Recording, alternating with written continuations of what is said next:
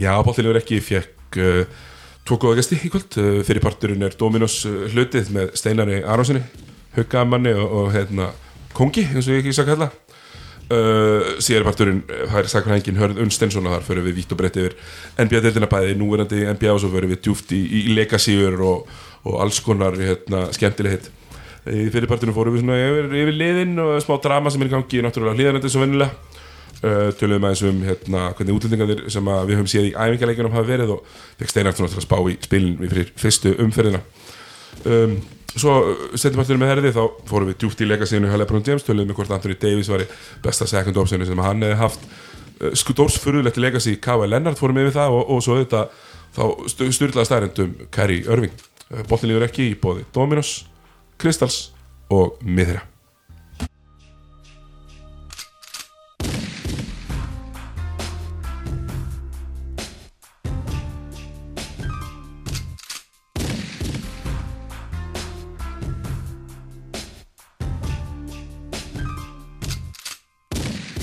Já, velkomin í boltin lífur ekki uh, tvískiptur þáttur þessu sinni fyrir helmingurinn um Dominos uh, deildina og svona framtíðar horfur, fortíðar þrá og annað því tengt fyrir maður sem meistrar mestrarna og, og svona það sem er efst á baui akkurat núna.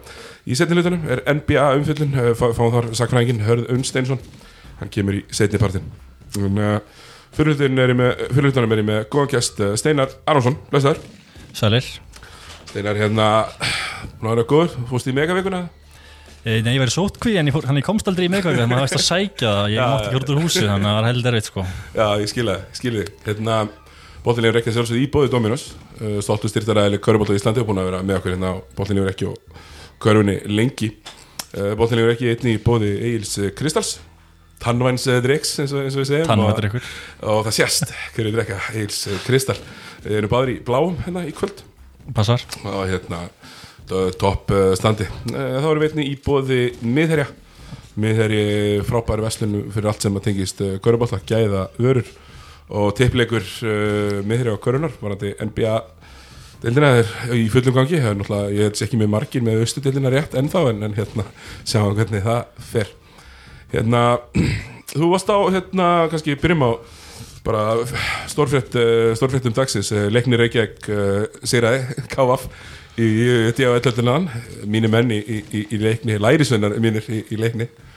Hérna uh, 64, 56 eftir að hafa leiknið alltaf 23 stegum í, í leiknum. Við vorum svo þetta aðeins í, setni sóknarlega en kursjónið var það mikið að hérna, þetta hafðist allt saman Hvernig að minn maður gauðun í leiknum hann var óbóðslega góður sko, við erum alltaf skúrum ekkert í setna áleik en hann, hann hérna bjóð mikið til þess að fórustu, var að setja uh, skotin þetta fáir uh, skittur eins og gauðun í, í hérna í annar dildinni Nákvæmlega. Sko. eins og rættum við Já. hann To- Toppmaður toppmaður og kemur oft hérna mikið, hóstar hérna með mér oftast, bóttin lífur ekki hérna Preyfor H. Haldors Halli Haldors sem sig í nýjanu í fyrsta leikluta við vonum að það sé ekki eins alvarlegt og það lítur út fyrir að vera. Við vonum það besta. Já, Ég sá, sá að hann var að fá góða aðlýningu og komin upp á spítala. Já, frábært, hérna bara uh, prayers up fyrir, fyrir Halla sem var búin að byrja leikin alveg óbúslega vel. Uh, Líka stort sjátt á þann stóra Tommi Stendors á raunurili átti óbúslega fínan leik hérna í kvöld. En uh, það var annar leikur sem fór hann í kvöld uh, mestarana þar sem að grindikingar uh, mættu stjórnumönum uh, Þú horfður á þann leik, uh, Steinar? Já, ég horf á leikinn. Og hann var kannski ekki eitthvað sá fallegasti fyrir auga þessi leikur. Dómarar voru eins og þeir eru annli byrjun tímabils og Er það áherslu frægu? Það er áhersluna frægu.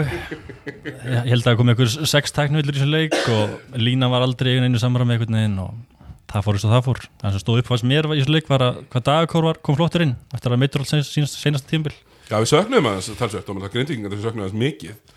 Hann kannski kemur ákveðin svona, stillir að ákveðu upp. Þess þeir eru ekki, verið sko, svona, hvað sem maður, agaðasta sóknarlið Nei, nei. hann kannski gefur þeim smá þar.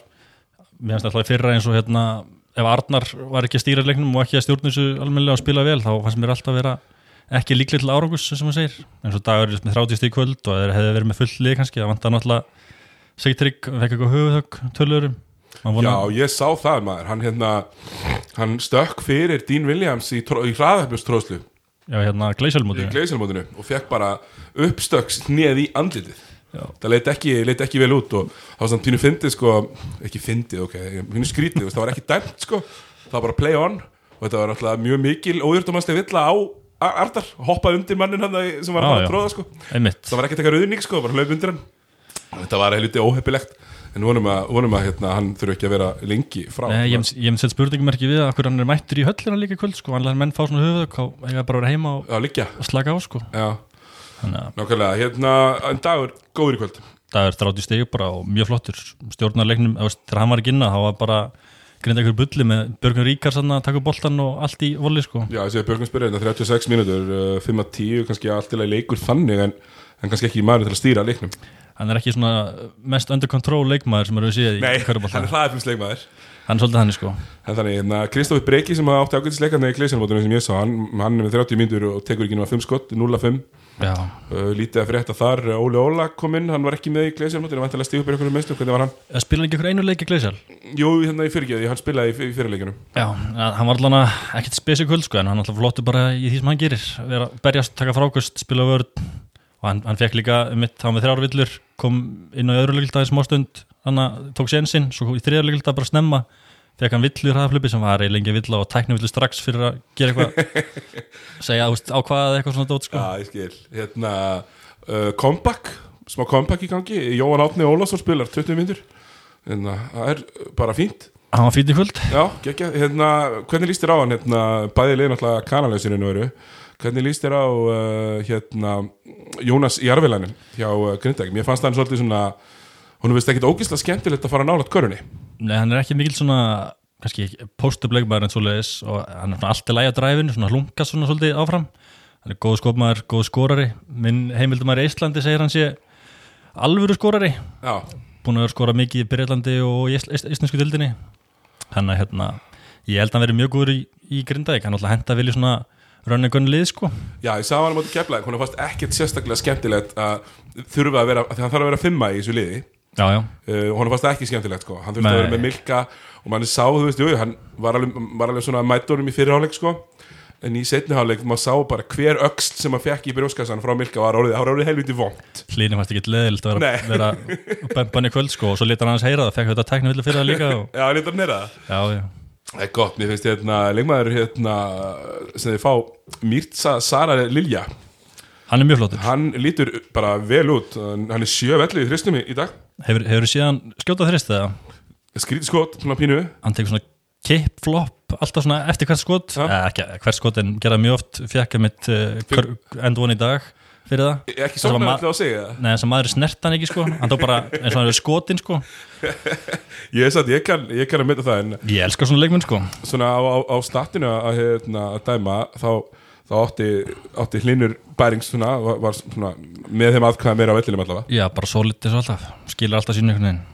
Uh, hvernig líst þér á Svíjan, Alexander Lindqvist hann síndi ekkert í dag. Nei, tekur nokkuð frákvæst þannig leiðin er bara uppáðið fyrir hann hann bara heitlaði mikið neitt allan bara þokkulega pulsulegur og maður bara von, hlínu talaði vel um henni til leiks hann þekkjar hans leikmann og hann eftir að vaksa hann að maður bara vonar að sér rétt fyrir stjórnuna því þeir þurfa klárlega fleiri leikmennum að halda svona í barátunni eftir að vera, vera með þessu toppáratu Já, nákvæmlega, þú veist, þeir eru með frábæra svona sex, já, þú veist, sérstaklega þegar bandarækjamaðurinn verið komin. Uh, Ég sé að báðir týpurarnir hérna frá, frá Ísafrið hafa mér fengið að- að spila eitthvað sem var þar hjá þér, sást eitthvað þar? Nei, það bara voru fínir spiluðu mikið í ruslmyndum náttúrulega og, komu, og spiluðu tvær myndir í fyrirháleik báðir. Já, bara voru svona svolítið í ruslmyndum í fjóruleikilda alveg svo dúi var ekki með stig allan leikin og einu sem átti eftir að skora og Svali talaði mikið um það lýsingunni. Hann einu sem átti að skora, hann setti sjö stig þarna alveg í lokinu senstu tvei myndunum eða eitthvað já, alltaf áhugavert formaði vals en þá lýsa hvernig minnast að leik já, já, nokkulega maður veit að það er svona, það er svona nett kurrimönnum yfir því sko. Já, við erum ekkert eitthvað alltaf geggja sáttur en þetta stjartar vinnu þennan leik bara þetta er 20 stega sigur, þeir eru ég ætla ég ætla einmitt að spyrja því hérna, veist þú hvað kana stjarnar er að fá það? það er gífilega mikið leyndi yfir þessu skils mér, já sko, ég man ekki nákvæmlega hvað hann heitir en hérna, þetta er ykkur fimma eða ekki? Jú, ég var ekki búin að tala við Arnar um þetta þannig að hann er að fara að koma með smá kjöt hana minn maður í stjórninu og stjórninu, hann vildi ekkert gefa neitt upp allavega nei, mér finnst mjög grútlegt sko, er að spila hann þetta að sér þarna sko. Um, en ég meina það er bara eins og það er sko ég, já, já, maður er bara forvitin já, maður- Vist það er lendi yfir þessu. Já, ég, og ég er svona að præta mig pínu á að vera sískúpandi sko. Mér finnst þetta þreytt að vitið ekki að því að mér finnst þetta að vera með þetta sko. Um, En Erik Weiss kemur uh, til Grindavíkur. Hann er svona pínu þekkt stærð Hann Já, var að bara þannig. frekar, já, eða, eða þannig sko. Hann var frekar góður en það síðast í ekkert sérstaklega mörgum leikjum samt sko. Ég veit hann spilaði hvað í fyrstöld Finnlandi fyrra eða eitthvað? Hvað, hvað, sex leiki eða þrjá leiki eða eitthvað og með eitthvað nýjusti og sjö frákusti eða eitthvað. Þannig Já. að maður bara ekkert eitthvað sterkst stild í heimi þannig að maður vonar bara að hann komi sterkur inn fyrir grinda í göllana þeim sárvantar alveg fimmu sko. Já, maður sá sko sko, Grindavík vantar sko fimmu að, að því, lítinu til að ver, það verður að vera ykkur sem maður langar svolítið að banga sko. Að þá er ég ekki endilega að tala um að setja raskatið út og tjakka. Heldur kannski meira líka varnalega sem bindur þetta saman. Ég er aðalega sem varnarlega sko, bara eitthvað sem tekur frákust og til í að dekka svona gæði svo leini stígað út af hér, menn þess að stjárða með hvað 17 sóknarfrákust í fyrir áleiki kvöldi eða eitthvað, þeim sárvantar eitthvað svona stóran bara til hyrja þessi frákust sko. Já, og svo veist nákvæmlega og mér finnst ekkit endilega efforti vera þarna hjá grindingum að fara og sækja þessi varnafrækust Nei og líka því Bosman er að Jónas er náttúrulega ekki Nei, hann langar ekki. Svo heitasti fyrir að fara og ná, ná þessu bolta sko. Nei, einmitt Uh, það kannski er líka kannski og var vandamál hjá, hjá Grindavík og, og verður sennilega, mínum að þetta áfram að þú veist, jújú, jú, þeir eru með ákveðið svona, svona gauðra sem er alveg kvikir á löpunum og svona, en þeir langar rosalega mikið að stela boltanum þannig að þeir, þeir halda sér ekkit rosalega mikið fyrir framann mennina sína Með mig og, og er ekkit endilega kannski upplöðastir í að berjast í gegnum skrín og svona, Nei, ég meina hvað þeir að taka um Kitta Páls sem er ekkit endilega betri þessu heldur sko. og, Nei. Og Jónas sem Bosman, hann er orðin frekar soft fyrst með bara já, frekar en eitthvað annað, hann er maður vonar að þið fáið svona sé, alveg fimmu sem að er Já, sérstaklega kannski á mótið liðum eins og stjórnunni sem að þau finnst fátt skemmtilegra heldur en að fara í allir í sóknarfrákust sko. Já, og keira kannski tíu mönnum og er að keira alla leikin á fulli sko. Já, það er, það er reyndar alveg það er impressive, finnst mér alltaf að, að horfa á ægi fara á stað. Já, já, þú veist, hann svona reikspólar eiginlega á stað svona svo teknum þetta fígura, sko. Svona að lappirnar færast einhvern veginn hraðar eða rægt að að geta gert, sko. Það er alveg mótor í þessu stjórnulegði sko. Já, þeir, þeir gerir þetta alltaf líki fyrir að mættu og ætluð að taka öll sóknarfrákustinn og voru að taka þú veist, 16, 17, 18 í leik, sko. Ég meina fyrir saman átt þeir gerir bara í því bara, það fóru bara fimm inn bara um leiða var skot sko. Þannig að þetta er greinilega eitthvað sem er lagt upp hjá þeim allavega. Já, hérna, stjórnunni var spáð hérna, eftir sæti í, í spá forðamanna liðana Já, hérna, já, uh, sem að reyndar það er alltaf skemmtilegt að taka viðtöl við Arnar Guðjónsson sem er stór skemmtilegur í viðtölum. Sérstaklega um svona spár og eitthvað sem, að, sem er svona fluff, skiljuru mm -hmm. það er ekki beint eitthvað sem skiptir einhverju máli. Nei, nei, og honum er alveg sama. Hérna, það var kannski finnast í þessu var að- sem að maður svona kannski maður hefur kannski, maður hefur svona heitt út af þessu það er út undan sér að það hefur verið svona samantengir aðpinnu að setja pressu á valsmenn með því að þeir fengu flest atkvæði í efstasæti það er mjög gott. Af því að Finnur er búin að vera svolítið svona já, við ætlum bara að komast í svo Já, já, reyna að downplay þetta eitthvað. Minga er- eitthvað pressu sko. Ég er að segja það og, og þarna hafa þjálfarar og, forráðmenn og svona verið að pínu að þrýsta á þann. Já, já, sem bara vel gert sko. Já, sem er bara vel gert. Hérna, líst þér, hvernig líst þér á þetta valsliðsan svona á heildina, heildina liti þeir eru náttúrulega búin að náttúrulega fá Kristoffer og fá Jón og þeir spiluðu báður náttúrulega mjög lítið í fyrra. Ég meina núna er ég búin að sækja hvað þrjá bestu varnamenn Káir og Káir var svona hvað besta varnarliðið þessi senstu ár? Já. eins og sex titla sína. Þannig að það er rétt allan að vera fínt varnarlið. Fáum bílits líka. En þess að móti vera kannski frekast lagt skotlið sem sagt. Já, maður, sé, maður, get, maður getur séð alveg það vera styrt já, hvað er þetta búker og finnur kannski einu menn sem eru yfir 30% í þryggjastæðskotum já, sennilega sko og, og, og hérna svona uh, maður er ekkit að maður er ekkit að stíða hérna sá nú, sá nú bókurinn um en ég er ekkit eitthvað ógislega spenntur fyrir fórgöru sem hann er í sko. En hérna, en hann er frábær sk- skotmaður hann er einn best skiptadeildarinnar Já, og hann ekki efstur í fyrra með Breysi? Jú. Var ekki 40% jú, alveg 40% geta og það skiptir máli. Algjörlega. Og Finnur er líka held ég alveg 34-5 ekki að hann endlar að spila 20-30 minnir leik sko, en hann getur alltaf gefið mennu skot og tekta vörn og svona. Já, þegar hauka menn þekki það ég meina, hann, hann frábæð frá okkur. Frábær fyrir ykkur og, og hérna kannski valsararnir uh, maður er erfitt að sjá hvað segir maður uh, maður sér ekki fyrir sér að það séu margir svona leikstílar sem þeir geta brittað upp á. Þetta verður bara held ég hafði vörn skipta á öllu og þú veist, ég meina þeir taka vantalega poingarkana maður ma ma ma skildi ætla það. Þú veist, ég, gef, ég gef mig það bara og taka örgulega líka stóran bossmann fimmu allavega. Já. þannig að ég heldur þessi bossmann þarf að vera eitthvað svona stór gæi myndi ég halda sem getur svona bangað og eitthvað leðis held ég, ég just, það mynd bara erða tekninu að, sjá hvernig finnum alltaf púslu þessu saman sko. Já, það veist, identity verður bara, það verður bara varnarlega held ég og munu keira bara eins og Káur var sko, ég meina, eins og Finn, Finnur gerði það senast Já, kannski ekki með byssunar sem hann var með Svona, með bílið samt ágætti skitta á og, og, og hérna, búker og svona en svo er líka mest með ykkur við, þú veist, Finnur ekki þekktu fyrir að taka góð útlíka sko. Nei, það er, við fórum með næfir að um daginn að það er ekkit eitthvað, að það hefur ekkit endilega verið hans sterkasta lið.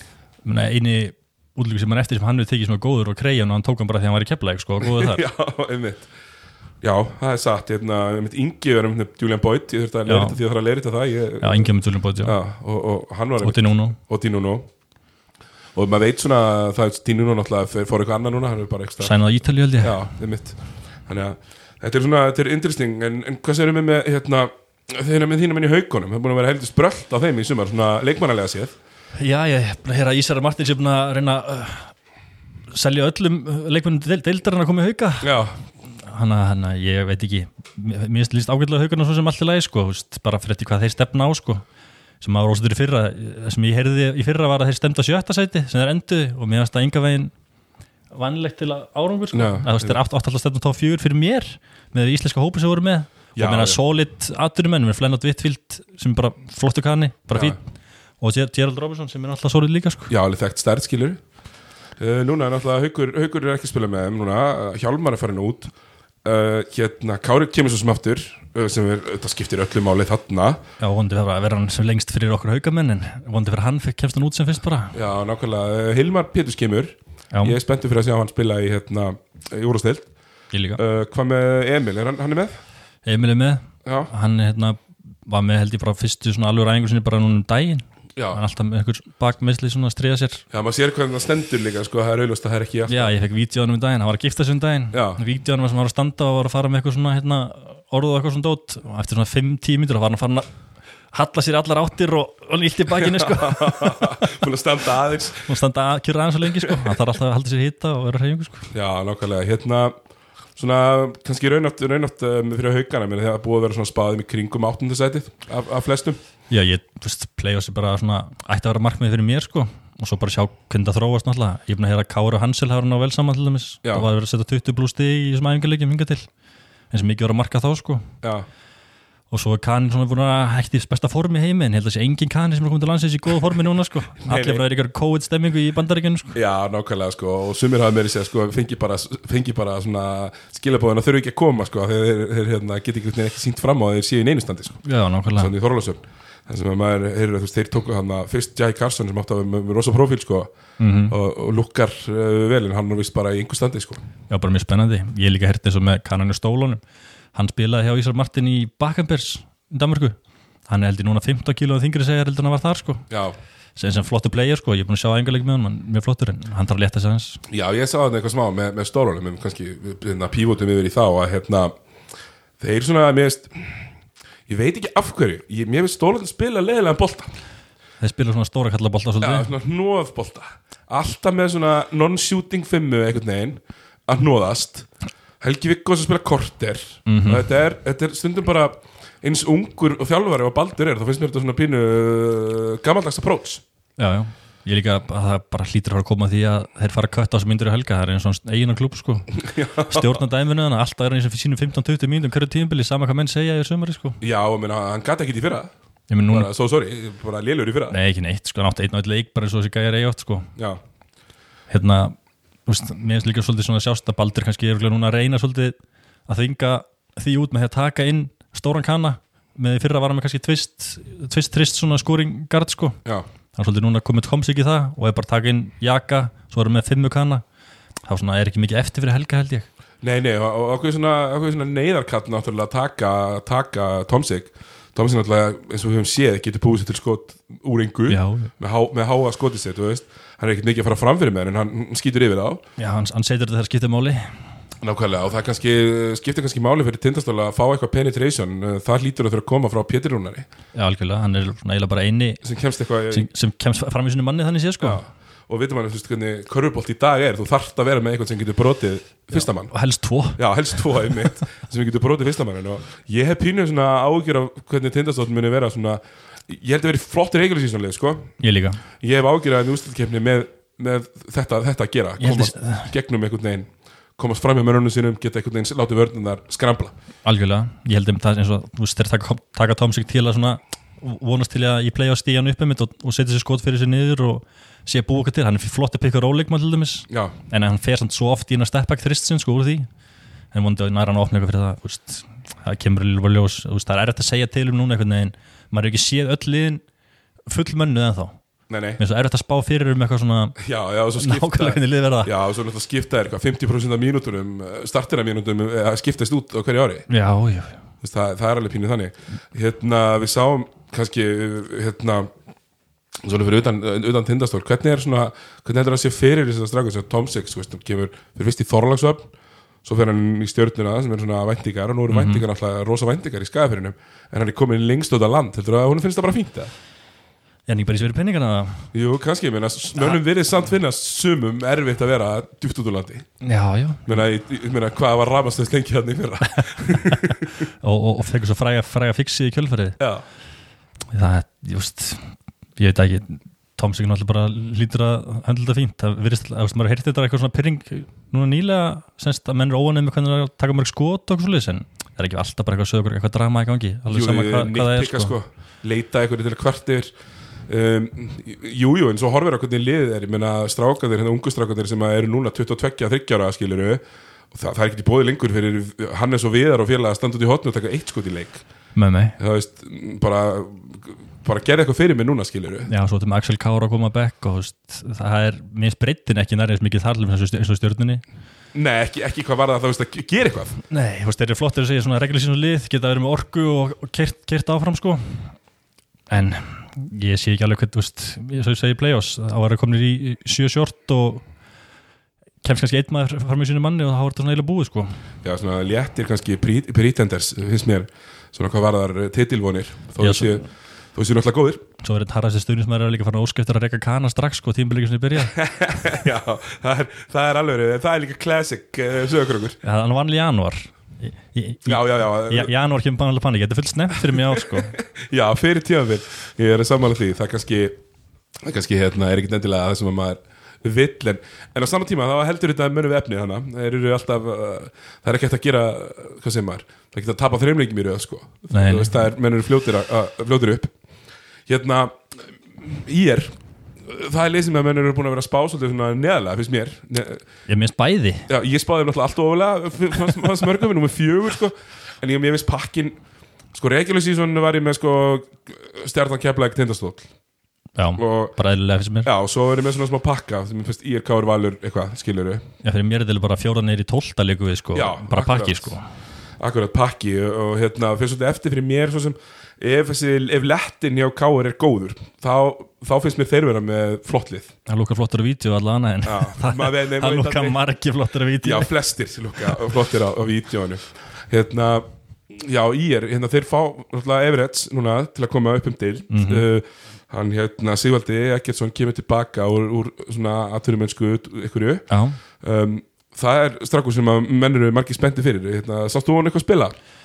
sann að spila í fjölunni og í káur náttúrulega þegar hann fór út. Já, svo hefum bara svona heyrt hvernig hann var úti náttúrulega. Þess að hann var að spila í hvað Sveipardild og Hilmar Hennings sem alltaf haugunum já, hann var alltaf að skora meir en hann en kannski ekki alveg einskoðu liði úti, úti þá sko. Þannig að þú veist, ég er spenntið fyrir hann ég er spenntið fyrir að sjá hann, fyrir mér er hann svona hákon sem var ég er en bara gæði, hann er svona gæði með attitude, kemur svona inn og er don't give a fuck skilur Já, en samt svona aðeins meir í svona skorar að típa held ég.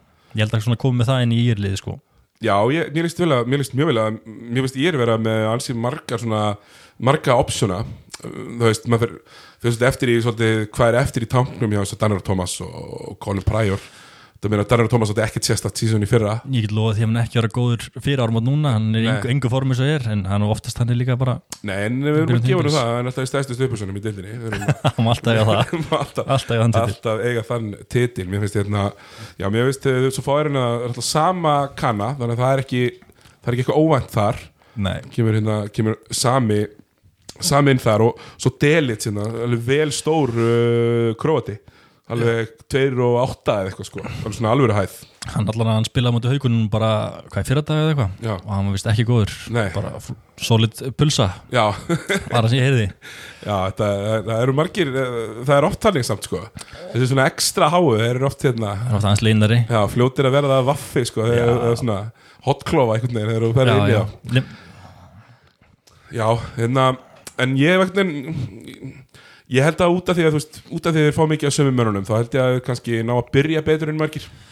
Bara ég, það sem ég ágjör að hvort- er, er ekki við nóg marga bolta til að spila enlisins nei, nei, og svo var einhvern náttúrulega eitthvað sem sagði mér að og benti mér á það og ég er svona pínu sammála að meiri sé að þessir sem koma inn og ætla að vera að skora þeim langar ekkert að catch and shoot sko. Nei, er það er það þarf þrjú fyrir drippl og pikk og, og hérna nóðast og taka 2-3 helfspinn og hérna Ég held þess að þú, ég held þeir verði alveg fínur regular season, ég ekki alveg fjórðasetti en verða kannski í sjötta akkurleis en ég held að verða svona hægir í gang, ég held að það er svolítið að finna sitt mojo, Mm. svona hver er í hvar hlutur, ég held að það takja smá tíma fyrir að slípa það saman. Og ef ykkur er góður í því það var að bossin alltaf, Já, Bossi, Bossi verðist vera góður í að selja mönnum með einhver ákveðin hlutverk. Hann er átt að búa til líka svona, Já, hann er að búið til einhver stemningu ég meina, hann var að gera leikmann úr Florian Jó- Jóhann og í fyrra sko, hann að Það var ógeðslega að fyndið sko. Þá- þá þá- þá- þá getur hann allt eða ekki? Jú, ég held að það sé ekki, ekki, ég held að það sé ekki, ekki rámt hérna, sáum hérna rosalegt viðtal við Pál Kolbensson hérna, gjaldkera káringa. Já, uh, þar sem hann fer svona yfir einhvern veginn sín tengsl við Kristoffer Eikoks og hvernig hvernig sá skilnaður allir verður og maður sér að það eru svona það eru alveg sárindi í, í gangi. Já, maður sér alveg þetta er svona einlægt viðtala allan og maður svona trúur alveg sem hann er að segja, úst, hann, trú, að hann, að hann trúi því sjálfur eins og við hann Já, að hann er að segja það sem honum finnst veist, vera nákvæmlega rétt. Honum finnst hann verið rétti með það sem hann að segja, eða þú skilur já hverju ég, ég skil hvað það minnar og, og maður svona, ja, maður, maður, maður, maður skinjar það þetta er akkurat það sem hann finnst. Hann er ekkert eitthvað hann er ekkert eitthvað málu upp eitthvað sem hann trúir ekki. Nákvæmlega, en þetta er þetta er pínu, þetta er pínu rosalegt sko að, að hérna, það sé ennþá minna, það er mótið byrjar í þessari viku skilur og það er ennþá eitthvað svona drama í, í, í, í þetta er orðið heldur lágt. Já og svo eru menn að tala um óvist hvort að Kristóður fá að spila bara eitthvað á næstunni og hvað Darri Freyr vinnur hans var um daginn, hvað var ekki fyrirsögn hann var ekki sem viss að spila á þessi tíumbili fyrir val? Já, einmitt, veist, það var ekki búið að skrifa undir eitthvað félagaskipti og eitthvað voða, voða drama og, og hérna kemur alltaf, Kristóf kemur alltaf inn búin að vera í ykkur fríi og svo í sótkví og, og hérna allt inn að mættur á einhver hjá val og þetta var, þetta var mjög fyndið, það var eitthvað svona eitthvað sem, eitthvað sem var, átt að var á lappi þannig að hlýða þetta, búin að taka mynd og, já, ég, mér finnst þið þeir ekki svona að gefa út sko, eða, játa hans er komin yfir sko, það var að koma Twitter hans á æfingu á val sko. Já, og svo mættur í hádeginu sko kynntan einhvern veginn engi blaðmann því þetta er risa sæn, þetta er bara MVP ústilakefnarinnar í síðustu tveimur ústilakefnir sem hafa verið kláraðar. Nákvæmlega. Og það, hann er einhvern veginn kynntur bak við tjöldin, einhvern veginn í, í lobbyinu hérna, þetta er fína vitleysan sko. Og nú kannski og eitt, eitt sem Pál kom inn á í, í þessu viðtali var að, styrtaræðar hef ekki staðið við sitt til dæmis. Já, já, og, og ég sjálfur fór aðeins og, grúskaðist í þessu. Og uh, ég get bara sagt það að menn frá Alvokin sem hafa verið stærsti dyrtaræður káringa, þeir eru brjálæðir yfir þessum umhverfum vegna þess að þeir vilja meina og, og getur svo sem hann sínt fram á það þeir hafi bara tilkynnt uppsögn á þessum samningum að hætta styrkja á Þú veist, Já, ok. sem sagt ekki að þeir hafi ekki staðið við sitt heldur að, að, að stjórn Káar hafi vita fyrir lungu að það var búið að seg, segja þeim að samningurinn er ekki framlengdur. Og það mun koma, það ég er að fara að byrja ykkur að frétta á, á körunni eftir eða í fyrirmáli ok. Og hérna þeir eru bara, bara fúlir menn þar yfir, yfir þessum ummælum, ummælum Páls sko. Er- finnst þetta ekki vera sangjart sko, að setja upp að þeir hafi bara beilað á einhverju sem þeir væru búin Nei, að nákvæmlega skvillum sig sko. Ég, ég mitt kannast aðeins eftir haugunum hérna, þegar hann stjórnir sem er núna sem er búin að nokkur nefnir rétt og kútnum þar tók við, þá fór þeir að finna bara samninga sem hefði aldrei verið gerðir, það var styrtalega búin að búningum og gólfinu eitthvað svona sem bara gerir munlög, samkomulög og aldrei sendir út samninga og skrifa undir, en það var ekki hægt að rukka inn peninga fyrirtækinn sögðu bara, við fengum aldrei hennar samninga til að skrifa undir, akkur hefur verið að styrkja eitthvað sem að er ekki búin að gefa, gefa þetta út til okkar sko, Nei, einmitt, og, og það er svolítið svona klauvalegt mjög klöfulegt sko. Og hérna, maður verður gaman að fylgjast með svona, hvernig, hvernig þessu fram vindur Káringan er alltaf að vera að sækja sér útlendinga, við erum komið þrjá. Komið þrjá útlendinga, þannig að maður kannski þú veist, ef það er ekki verið að borga einhverjum einhver staðar, þá mennur örugglega fljótir að, svona, að vera svona, eða, eða kannski segjum sem svo, svo byrjið menn ekkert sérstaklega vel, ég held stutt í, í alveg kerkju Já, já, algjörlega. En það er svona, ég held að geti líka hjálpa káar að gera smá svona skotgrafa mentality koma með svona gang í, í sísunni þeir eru, þeir eru með fínast, fínasta lið, fínasta hóp gott sóknarlið allavega á pappir þannig að ég held að geta alveg orðið flottir. Já, ég held að Darri sé að fara Núttilega sem við tölum um hérna árum við fórum mjög Darri er náttúrulega Við tölum um það eru alveg ungir þjálfarar í deildinni Danni og hérna Baldur og svona. Já, já. En þeir eru ekki að spila eitthvað svona nútíma bolta þannig. Nei, Darri er svona eini svona sem er að tekja eftir sem er að spila til tölfræði og er að skjóta marga þrista og vill laupa svolítið og, og er að setja smá pressa bolta hér og það er eitthvað svona stöðum og svona trappa í hotnum við miði og svona, ekki það, það sé eitthvað nýtt að nálinni hann er svona að reyna að hraða leiknum fá fleiri possessions, fleiri tengstarskot svona nýta sína tölfræði á sínu liði. Hann ætlar að gera það með valkvenna í fyrra. Þannig að maður svona, hann er eini sem að tekur eitthvað eftir Analytics gæi. Já, svona analytiska gæi. Já, ég er mjög, mjög mikill analytics gæi hérna, Ég er Já, mjög, mjög hrifin af- hrifin af þeirri pælingu af Því að þeir eru þeir, sko, Káringarnir alltaf eru með alvöru þryggastæðskiptur Þú veist, þeir eru ekki með uh, 27% þryggastæðskiptur Nei, nei, þeir eru með alveg Matti er fínskitta, Jakob frábárskitta, Brynjar frábárskitta og Helgi fínskitta í fjarkanum svo fáður útlendingan inn menna, sem ekki allir, allir skotið fyrir utan. Thais Eibin stigast Já, að að þannig að þeir eru með, það er, auðvelt- að sjá sko, ef talað um identity það er mjög auðvelt fyrir fram að sjá fyrir sér identity hjá káringunum þeir eru líka fara að bara gjör breyta í- með sem hafa staði fyrir þeir hafa staði fyrir bara að spila vörn, skipta völlu harði fyrir og Já, nú er veginn. að fara í anstæðin einhvern veginn. Já, ég sammála því, því að þeir káringarnir voru náttúrulega þekktir fyrir að þeir eru kannski tíu stöðum undir og breyta yngu Mhm. af því að þeir trista bara á sín prinsip og sín, eh, sinn leik og þannig að þeir mölluðu alltaf þessum sigurum inn af því að þeir breyttu einhvern veginn ekki hvernig þeir ætla að gera hlutina. En, en ég er rosalega samvist að frábær punktur sem þú kemur með, með skotgrafar mentalitið að núna er þetta svona, herru, við á móti hinum sko, það, það, það er verið að pikka liðu okkar í sundur. Algjörlega og, og hérna, ég held sér rosa gaman fyrir káringana að hérna að hérna, sitta heima, svona, þeir með ekki fara á völlin sko, sitta heima og, og hlusta á formann valsi lýsa leiknum hjá hjá sínum liðum sko. Það er mjög, hérna, mér finnst það mjög ég er svo sem, ég hef alveg kommentað mér finnst það pínu fárálegt en ég minna stöðtömmen gera eins og þeir gera og gera vel í, í mörg ár með þetta. Algjörlega. Ég held að uppbyttur hafðátturinn hjá þeim heima á stöðtöð sé á já, spenntu fyrir, að- fyrir að sjá hann. Hérna uh, fyrir maður svo suðunisinn Já. Hérna, þar eru njárvikingar finnst mér ekki líta vel út. Nei, bara alls ekki. og það er ekki bara að það er lítið ekki vel út. Ég horfa á liðið þeirra og ég sé ekki alveg hvað er alltaf að gera skilur ég sé ekki alveg hvar, hvar sprautan á að koma. Og bara eins og hefur verið senast ár finnst mér. Bara síðan einararni tók við nánast sko. Já, mér finnst þetta boring, mjög boring. Boring. Þeir spila slow ball og, og hengja sér síðan á þessu besta varnarni í dildinni en eins og að því að þeir spila hægasta bolta. Ég segi það sko. En þú veist, þú hefur heyrt þetta? Já, já, já, já, en, en við minnum á það að það snýst meir um sko, stig per possession heldur en, heldur en sko, bara hildar, hildar stigaskor. Klálega. Hérna uh, þeir þurfa væntanlega, þú veist að þýðir ekkert fyrir þá að hérna minna, hver, er, hver er íslenski kjarnin í Njárvík í dag? Hérna, Maciek, Jónardur Sverjesson Logi og Óli Helgi já, bara nákvæmlega þannig. Já, og, Og- og- þetta, er, er ekki merkilegt. Þú getur hent Mario Matasúðan inn hann er kannski orðin, orðin partur af því í dag Já. kannski ef þú vilt hafa það þannig. þetta er ekki merkilegt. Nei, ekki neitt sko. Nei, og, og, þetta eru þetta er kannski, þú veist, á góðum degi eru þetta menn sem skora 13 stig ég meina þó Þólusur með betri íslenskjarni en þetta sko Já, við gerum mikið grín á honum. við gerum mikið grín á honum sko. Já, þannig að þeir stendur nú normannin heimi eða þú veist, senda hann í, í hvert sendur hann Ætli- Hann er komin í er hann komin í hérna, fyrstöldin ég? Ekki hugmynd. Ég held að hann hafi sé eitthvað ef, ef, í fyrstöldinni Einar Rótni var eitthvað hann er sjoppan, ég heit hann reynda sjoppan hér og þar eitthvað. Alveg svo, ég er búin að heyra sér hann að sjoppa núna kananum líka. Já, menn voru ekki hrifnir af kannanum eins og hérna. Mér finnst hann ekki góður sko. Nei, og ég er búin að heyra Einar Rótni sér hann að sjoppan hvað setur þú over under línuna á útlendingar skipta á Einar og Kói veitur Já, alltaf þrýr sko. Að þegar mér finnst sko eins og þeir ætli þeim langar rosalega mikið að taka eitthvað svona sem kemur og kannski á vangnum eða, eða kemur og bangar aðeins. Mhm. en á sama tíma, eina skipti sem þeir gátt eitthvað í fyrra var þegar Chas Williams var að hlaupa. Já, já, nákvæmlega, og, og, og það er eitthvað penetration, það er ekkert penetration í þessu lið. Ekki neitt sko. Jón Rótni er poingar, hann er samt svona hægur og svona hann er, hann er ekki fara að dræfa kurun og skora fyrir því skilur Nei, bara alls ekki. Og er ekki, hann er ekki fara að forsa á doppeltím sko. Menna þú veist þegar maður síðan spila í yngreflokkum þá var hann bara að post upp minni, minni garda eða veist, svona læ- lægri yng, yngri menn basically og skora þannig sko og búa eitthvað til. Hann er ekki mikið að dræfa inni og búa eitthvað til fannst mér allan að sé séð hann Nei, nei, og, og, og maður sér fyrir sér á móti sumum liðunum eins og kannski keflaði eitthvað stjórnunni eða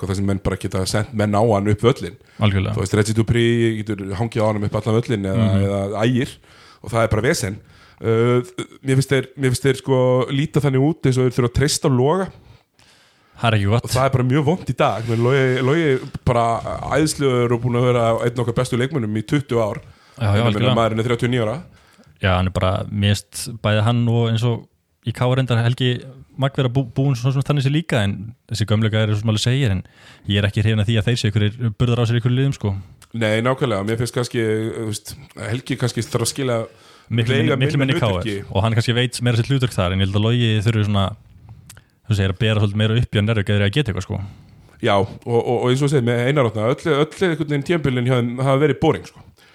Uh, Mér veist þeir hafa mér finnst þeir- með, hérna, með boring íslenska kjarna Mhm. mér finnst þeir vera með boring útlendinga uh, þannig að veist, mér finnst þeir leiðið hlið en, en veist, þeir eru ekki, þetta er ekki fallið Nei, nei, ekkert endilega, en mér finnst þeir leiðilegir sko að horfa á. Ég er samt að gæti alveg falli í ár. Já, já, það kemur ekkert óvart. Þeir myndu vera í fallbaróttu allan ég eitthvað. Var alltaf með að fyrir utan húslakefni í, í minnisbá sem er pínu galið og hugsa um Njárvík sko. Mér besti leikmar í dag vera Mario og hann er engin go-to player sko. Nei, og hvað, er eitthvað, er eitthvað að koma hann upp? Ég hef ekkert séð það. Ekki, ja, náttúrulega svona Brentons var að fara út náttúrulega. Já, og er heitir. Eitt, eitt ungu strókur, það skiptir ekki máli. Nei, en það er allan eitthvað já, en eitt er allan farin, farin út allan í aturum sko, þannig að ég veit ekki, þetta er ekki eitthvað svona spennandi. Nei, og, hérna kannski hitt liðið Reykjanesbæ, Keflavík. Mér finnst þeir hins vegar Það er eftir með lið sem að vita alveg hvað er alltaf að gera. Já, já, Með sömu útlendingana, fá kana með stærri prófíl en hinn. Já og líka bara eins og hann er lúkar, maður bara horfur á hann Já, maður sér bara, hann er, er körfuboltamaður Já, hann er bara player. það, Bara 6-6 eitthvað skilur bara svo hávaxinn, hann er bara svona maður bara sér eitthvað, hann er með eitthvað svona sveg bara gegnum myndina, sér maður það sko. Já, Sem er fáránlegt, sko. Og bara- stendur einhvern veginn. Já, svo var ég að horfa á hérna bæði Dín Williams og Dominikas Milka í þessum hérna æfingaleikjum og þeir eru bara flottir. Já, þeir eru bara svona solid, bara rúla áfram í svona æfingarleikjum á sínu, sínu hlutum og þeir eru bara skil alltaf sínu sko. Já, mér kemlaðið er eindilega að fara að setja 60 í einhvernum hálfleik en þeir setja 45 í báðum mm -hmm. og spila góða og spila góða vörn, frábæra vörn. Og hérna sérstaklega finnst mér mikilvægt fyrir það kannski að fá uh, Reggie Dupri betur inn heldur en í fyrra, hann var náttúrulega gatt lítið í fyrra. Já, og að lítið með líka. Lítið með að kannski, það er leikmann sem hjálpar mikið í að létta kannski pressunni af hössa varnalega Já, já, uh, hörðu lítið mjög vel út. Það er alltaf, það er náttúrulega leikmann sem er alltaf í öllu forminu já, sko. já, bara aðtunum maður alveg aðtunum er uh, valurari svona wildcard pínu skotið hans er ekkert búin að lúka sérstaklega vel Nei, þú veist, ég fíla alveg val sem leikmann en samt einhvern veginn gera hann ekkert fyrir mig í þessu veist, mér finnst hann ekki bæta neinu við þetta einhvern veginn. Nei, það er bara, einhvern veginn gera ekkert fyrir mig, mér finnst hann ekki sexy við það. Hann sé þarna.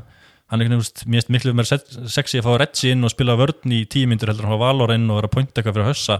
Því að hössa hvort eru um bolta 90% tímanum. Já, já og hérna svona pick and roll dýnamíkin hjá Hauðsá og Milka var alveg frábær í fyrra og ég sé einhvern veginn enga ástæði fyrir því að það ætti ekki að halda áfram. Ég meina Valor er svona leikmaður sem ætti kannski að vera meiri líkilmaður í ykkur liði En hörður alltaf að fara með boltan 90% tíma sem ég segi Já, er, er, mynd, ok, kannski meinar að kannski erfitt að sjá fyrir sér svona roleplayer hlutverki Já, ég er ekki að sjá það fyrir mér gerast skilur Hann er miklu mér svona leikmaður sem þarf að vera mikið með boltan og gera eitthvað búið, búið til fyrir aðra, menn úst, hann kannski léttur undir í hausa ég veit ekki, kannski ef það ná saman. En ég hef ekki séð svona æfingarleikjum hingað til að sé eitthvað funkar og ég heldur ekki fyrir hann að koma inn. Nei. Uh, mér fannst hérna formið og skotformið hjá Ágúst Orransinni vinnu mínum, við fannst það líta vel út hérna í, í undirbúinnstíðumilinu, Gusti Pepp. Já, Gusti Pepp menn það er líka bara gæði sem leipur að þryggastælinu og bombar þessu skilur ég, veist, það er kefla, keflaðið stæl sko. Ég elska það, Já, mér, mér finnst það mjög, ég er mjög hrifin á honum. Mér finnst það hérna, það, ef þú talar um leikminn sem þekkja sér hlutverk, skilur algjörlega Kemur bara guns blazing. Þa, eins og ég segi, það er líka ástæð fyrir að úst, ég er svona smá, einmitt með val bara því að það vita allir sitt hlutverk held ég í liðinu nema hann kannski. Hann, hann, hann, hann, þáttur að finna sitt hlutverk. Já, og vonum að, vonum að bara að hann geri það Hérna, uh, hún fara hundavaði yfir, yfir flest leifum kannski förum aðeins inn í, í Þorlagsöfn Það sem að, hérna, Lárus tekur aftur við og hérna flýra akkuriri og hérna, flýra akkuriri, ég segja bara hérna fer, fer í Þorlagsöfn og þar mæta menn með svona uh, hvað sem er, svipað lið, þannig komið náttúrulega sína Íslendinga inn aftur. Já, já, uh, takkinn Callum Lawson Takk Karl Lósson sem, sem er maður þekkt stærð núna kannski? Já, þekkt stærð sem sko fourth option í Keflavík. Já, maður veit ekki alveg hvað hann er sem meira. Og, maður er hirt svona bæði og bara. Ég fíla hann sko, mér finnst hann flottur. Já, og, og svo, svo taka hann hérna Larry Thomas. Já, sem er líka þekkt stærð. Líka þekkt þekkt stærð í fyrstöldinni heldur hann sé heldur hann sé nóg góð til að spila í úrslit það er nóg góð til að spila í úrslit er hann nóg afgjörandi sko, mér finnst hann nógu góður og getur nóg gerandi mér finnst vanta svona smá cojones í hann bara taki yfir í svona æfingarleik sem ég sé með þó þólusum það vantar meira svona að hann taki sér skot. Ég sé að þú veist, vera að fá svona, semi-ópið þryggjaskot, gefa Emil Karli hotninu og mann í sig skilur til að láta hann taka skotið. Já. það er ekki sem vil sjá frá kanunum sínum í dag sko. þú vilt hann sé svolítið gæðin sem bara fara og næ- næri þér körfa, þegar vantar skorara. Að Karl Lósson er ekki skorari. Og Bosman er enda mjög flottur en það sem vantar meira svona ég læri svona að hann bara fari og taki yfir leiki fyrst mér sko, eins og hann gerði fyrst til Já, menn hann, hann gætt gert það í fyrstöldinni ég bara vonast til að sjá hérna, smá svona, minnstu orðið það vel. Smá, bara smá balls, uh, smá svona að koma og, smá og, svona bara ég er kallin í þessu liði og Já. ég ætla að gera þetta sko. Já, er það kannski erfitt með, með svona karakter eins og þetta haldokarðir í liðinu sem að er mikið á boltanum Já, já, ég meina að halda okkur rættur að vanur að spila með öðrum pointkurtum allan, við erum með Tomsik núna og svo í fyrra var hann með hérna Argentínu félag okkar hérna, hvað sem það var. Já, vá maður, það var nú fyndið input maður. Hvað er með sex, eh, nei, sjö törnur í fyrsta leikann Já, já, bara, Mjög skringilegur gæði, sko. þetta var eitthvað eitthvað skringilegt dæmi sko. Minjani held ég þannig að Já. við eitthvað svo leiðis uh, þannig að Þórsaran minnst Þórsaran verið í stór hættu sko. Ef, þeir- ef það Já, svona svipað eins og ég er bara. Þeir geta farið bæ, bæði upp og niður sko en minnstu Já. er kannski líklegri til að vera í næri partinu heldur já, bara minn, minna uppsett kannski en já, þeir eru hvað fjórumstegum frá falli í fyrra? Ég bara gáttu þeir ekki fallið fyrir loka umfyrir fyrra? Eða það. Bara ef að Þór, Akureyri hefði unnið og þeir eru tapað, þeir eru fallið? Já, þetta var komið, komið í ógöngur hérna. Ég maður rétt allavega. Já, þetta var komið í ógöngur. Svo, svo horfur maður á lið svo hött sem er erfitt að meta með fimm útlendinga sigga, Já, þeir eru sem með sömu útlíka og voru fyrstildi fyrir það ekki? Jú, hérna Dino Stivcic um, Þannig að Mat- Mate, já, Ma Matesh hérna, e- hérna? eitthvað svo leiðis Svo taka þeir einhvað tvo spánverja? Já, annað er að með svona 12 samhljóða í nafninu sinni sko, ég var, ég var eitthvað að reyna að bera fram og það var ekki séns. Svo er einn hann með alvöru spænsk körbólnafn Juan Navarro eða eitthvað þarna. Já, Navarro, maður, það er alveg körputalam, það er alveg satt. Og þeir svona ef að, þú veist, menn þetta eru fínir útlendingar og þessir útlendingar eru ekkert endilega síri heldur en einhverjir fjórir íslendingar sem spila í Þorlásöfni en Nei, nei, nei. Og ef Siggi kemur vel inn í og maður hefur kannski mestar ágjur af því að Siggi spilaði sjö mínútur í fyrra. Mm stítu krossbönd og mm, þú veist, ég hitt hann nú um daginn lít bara vel út í líkanlega já hann hefur ekki mist sig og fengið bumbu. Nei, nei, og segir sjálfur að hann sé bara koma, komast ákveðlega stað úr þessu og finna ekki fyrir neinu og Að já, þannig að ég er, ég er bara pínu spenntur fyrir að sjá hvernig þeir nota hvernig þeir nota, nota hann svona sem Já, ákveð fókarbönd, Siggi frábær sendingamæður að, að postinum líka og svona. M- maður er bara býður eftir fréttin komið að þessi er búin að reyka kannan og búin að sæna nýjan sko, þessi gæði hefur ekki getað neitt sko. Nei, það er veit málið. Að þeir þurfa svoleiðis. Þeir, Þeir þurfa- alvöru kana Þeir þurfa að bucket gæta sko. Já, og það er kannski svolítið svona það sem liðina sem, sem maður er að spá svona og pælir í að séu neðalega að kanadir er ekkit endilega þessir alvöru, alvöru bucket getters sko. Með, maður sá svolítið fyrra líka bara, eða Bospenli voru bestu leikmennin dildinni í fyrra í fyrst skipti í mörg ár sem að Kani var ekki aðal gæin í öllu liðum. Já, það er bara alveg rétt. Uh, já, maður sá bara í mörgum liðum alveg bara mörgum, bara bílis í stólunum. Já, Milka. Milka og Dín alltaf líka. Já, og svo nákvæmlega. Tomsik þetta haldi áfram endalist Já, það er, alveg, það er bara alveg horrið hérna, um, Við hérna Þóra Akkur er í síðan síðasta leiði sem við erum ekki búin að snerta á og þeir verður bara með já, hvað sem var, þeir verða með fjóru útlíka Július Orra og svo Scraps. Já, er þetta Lúka hérna ég er búin að horfa á hvað, tvo æfingarleiki með þeim? Að Lúka gæðin sem kemur frá New Mexico þarna. Já, nú með svo steit Já, hann lítið vel út. Já, ég var að tala við Andi hérna, á sem hérna, spámanna, blaðmanna fundi hann um daginn og, og það sem að hann, hann er svona rekrútergauður Mhm. ég get alveg trúa því að þessu útlíkandi sem hann fær séu góðir. Ég held að vera svona betur en voru í fyrra allavega. Já, þetta var mikið, þetta var mikið svona Það eru fóla- fínir í fyrra fyrir lítinn peningur en allan sem maður heyrði skil það voru allt svona 1200 dólara Já, Kallar, vestlaði sko. í bargain bin. Já, já, sem segir hérna í, í hérna, hvað segir maður, í frostinu í krónunni hérna, þar sem að er allt sem að hérna er alveg renn út. Mm það er svona, og dyrra ég meina þeir eru að fá núna Serdaninn sem er brúin skorað í deildinni Já, og getur skorað 20 stíl leik. 20 í leik. Þeir eru að fá hann að gæði frá New Mexico og svo sá ég hérna að þeir voru hvað spila svæðispressu niður í svæðisvörð mikið á mútið stólunum um daginn einhvern veginn ég gef mér að þeir sé að fara að gera það mikið í vetur með hópin sem þeir eru með Það er með svo, lítinn hóp að það- ég, finnst eiginlega ekki koma annað til greina sko. þú veist þeir bara líka ná að fela svo mikið af vartmönnum í svæði sko getur við falið þess að ungu strákar sem er komin sem er ekkit vanir að spila maður mannvörn á móti Herðaxel eða Nei. Petri og svo framvið sko Nei, hlaupi gegnum 16 hérna, bollaskrin og, og sko. lendi vandræðum sko. Þannig að ég held að Þórsærarnir veist, það þýður allavega ekki held ég fyrir þá ég vetur að tapa hverjum einasta leik fyrir áramót og ætla að vinna 10 eftir að þú veist að vinna 7 Nei, eftir áramót. en ég held að geta komið á vort Já, meina, og, og meina, þórsærandir, ég er ekkert að segja þeir þurfa að fara í úslakefna en þeir þurfa þá að vinna hött heima, að vinna Þór Þorlagsöfni heima og stela einhverjum leikjum svona. Ég, ég, ég, ég sé alveg ekki unnið þessi lið þessi tvöli sem nefnir Ron Jarvík og Hauka og fleiri lið sko. Já, Í er, veist, bara á góðum degi getur alveg unnið þessi lið, svo fyrir það mikið til mattsöpum og svo liðs líka, maður sjá út líka. Einmitt, en það er það sem við þurfum að gera annars er ertu bara komin í kjallaran og það er erfitt að mótivera sig og þú fær bara að liða eins og fjölni í fyrra sem að gafst upp uh, um áramót, sko. Hérna, fyrsta umfyrin er bara núna í vikunni. Við fáum uh, strax bara ákveðis hérna, matchup, við byrjum, á, byrjum klukkan 18.30 á hérna, uh, 50 dæn, uh, Höttur Grindavík. Og hérna, nú er náttúrulega ber svo við að í COVID uh, tímum mm að hérna að hérna, hvað segir maður?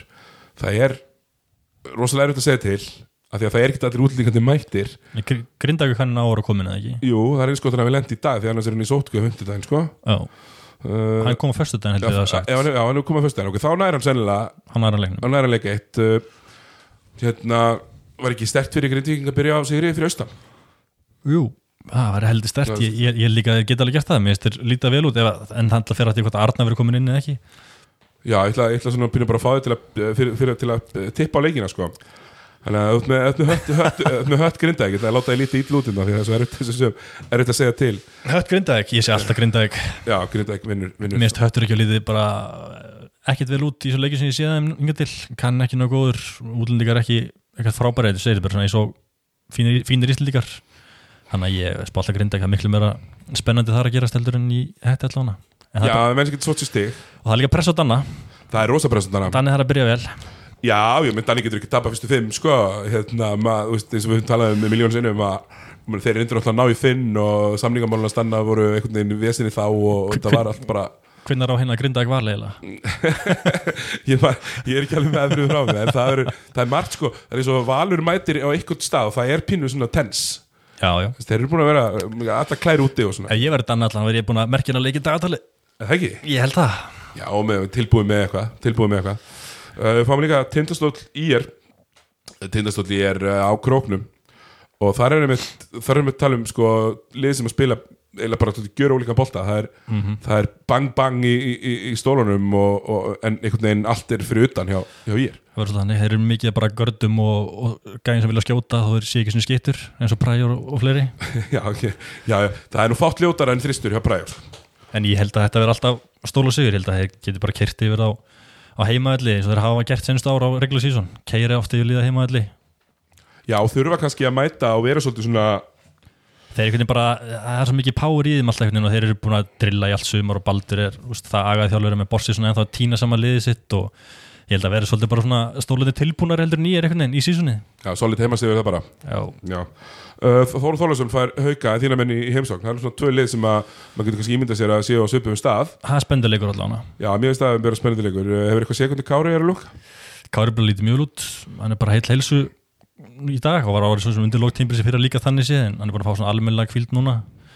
Ég held að þetta verði bara spenduleikur þetta verður svona garda baróta Larry og Haldur Garðar á móti Kára og Hansel Kanin hjá hérna Haugum lítur svona ágætlega út og ég, mér leist ekkit vel á nei. komundur okkur í annar dild á Spáni og hvað með fjögustíði einmitt.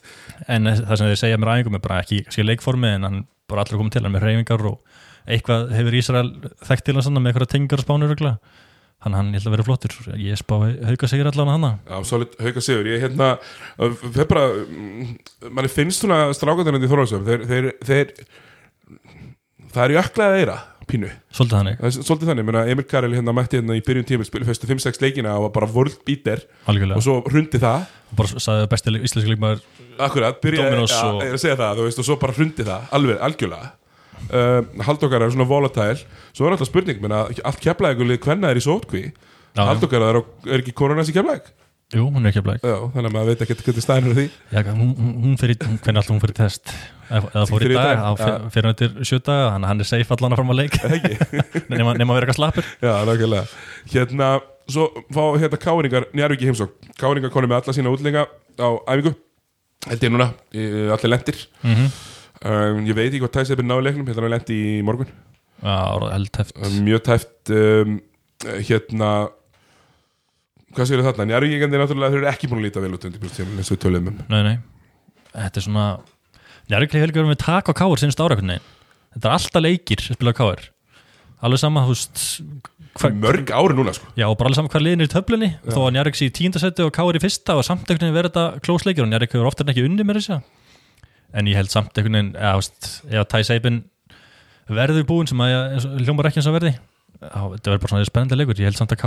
að að að takja það sko. Já, er klára það. Og, og síðast leikunum Sönuna föstaskvöld 18.30 á, á, á, hérna, nefnir ekki, það er tvei leikir á föstan 18.30 á föstaskvöldið er Þóra Akureyri í Keflavík. Ég held að það sé nú auðvitað að spá fyrir þetta. Já, ég held að Keflæk takja það alltaf Þú veist, þessi ég sé náttúrulega er þessi hana New Mexico góður í Þórakveri sem er svona mest spennandi erikmæður í dag og ég held að Dean Williams og Milka pakki húnu saman til hverjunni, hann, hann er ekki 20 frákvæmst til þeim sko, Nei, það, ég held að Keflavík kom bara og hnóðið á í sundur sko. algjörlega sko. Ég hef einhvern veginn enga trú á öðru. Uh, Þórsaröndin mínir, ég er samt pínu ánægð með það því þetta leitt ill út í fyrra fyrir tímanbill þá var þetta alveg alvöru peningavandræði hvort liðið allir yfir höfu verið í deildinni þurftu að katta út eitthvað neyðarkall til að fá menn í stjórnina eitthvað svona það er ekki í staðin núna, nú verðist vera aðeins mér í stemning náðu þjálfara búið að ná í ykkur útlendinga. Já, líka ná í svona þjálfara sem er með félagskrá og hefur verið hérna áður. Hann er svona lúkar þokkarlega vel sko. Já, svona ákveðin svona mm, pínu metnaða púst skilur Já, algjörlega. Svona verið að setja, setja hérna kraft í þetta sem ég, mér fannst ekki verið að setja því fyrir á. Ég, eh, mér finnst það að vera mér finnst, akkur er pínu eiga það inni að ég að skilja menn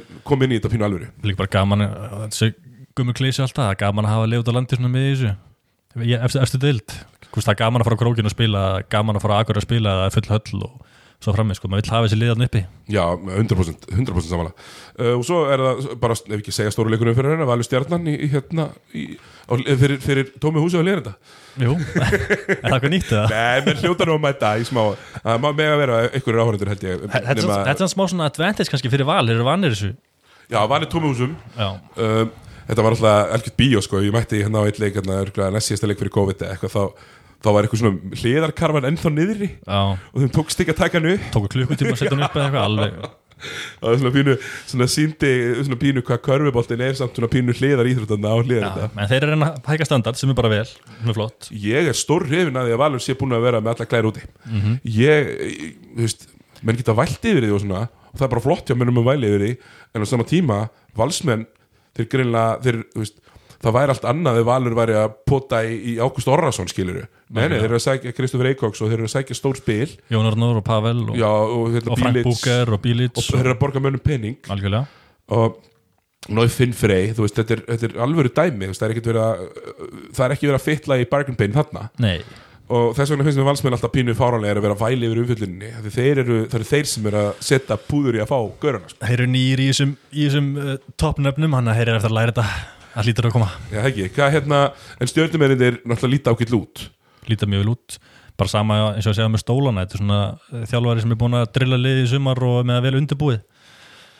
Og það er bara það gæja sem allir gert þetta áður.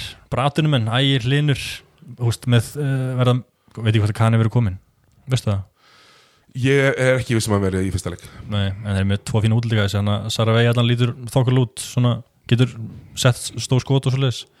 svo bara spennt að sjá hvernig valum lít út hvernig heldur að þeir starti? Já, einmitt, það, það er sko, byrjun, byrjunarlið lítur að vera bara núna eins og staðin er akkurat núna er Pavel og Jón og Kristó ljóta allir að byrja ef að Kristó má spila. Það sem ég heyrti allan að plani er að hafa Jóna Beck í veitur, hversu lengi það endist veit ég ekki. Já, meni, Jón náttúrulega sko ef við, við horfum á þetta bara eða svona kannski kalt þá spiluðu Kristoffer og Jón ekkit í fyrra. Þeir, þeir voru, ég heldur að við verið að, af startera mínútum hafa þeir spilað 15% sko Já. 15 eða 17% af startera mínútum í það fyrra var eitthvað leis, 15, 16, 17 Já, eitthvað leis og það er bara ekki mikið. Það er ekki eitt leikmaður. Nei, Þannig að, þannig að ég veit ekki alveg sko. Jú, Pavel, Pavel að og þú veist Jú, er þetta ekki þarna? Síns að bílit startar Mhm. og Pavel og hérna gerum við ekki ráð fyrir því að finnur allir start ekki bara fyrsta leik? Ég myndi gera það allan Já, sjálfur, finnur allir og búkar. Eitthvað svo leis Já, erum við ekki sirkað og þannig? svo Lilli. Já, svo Lili Já, ég elska, sko, Lili náttúrulega eh, hann þarf að, þessi Lili þarf að gera í vetur er að setja hotfristana sína af því að menn munu hunsan Já. hann mun þurfa að setja á já, heldur hann að gera það? Nei, nei, ekki heldur en hann mun þurfa, hann mun þurfa að gera það. hann mun þurfa þurfa að gera það stinga upp í mig og gera.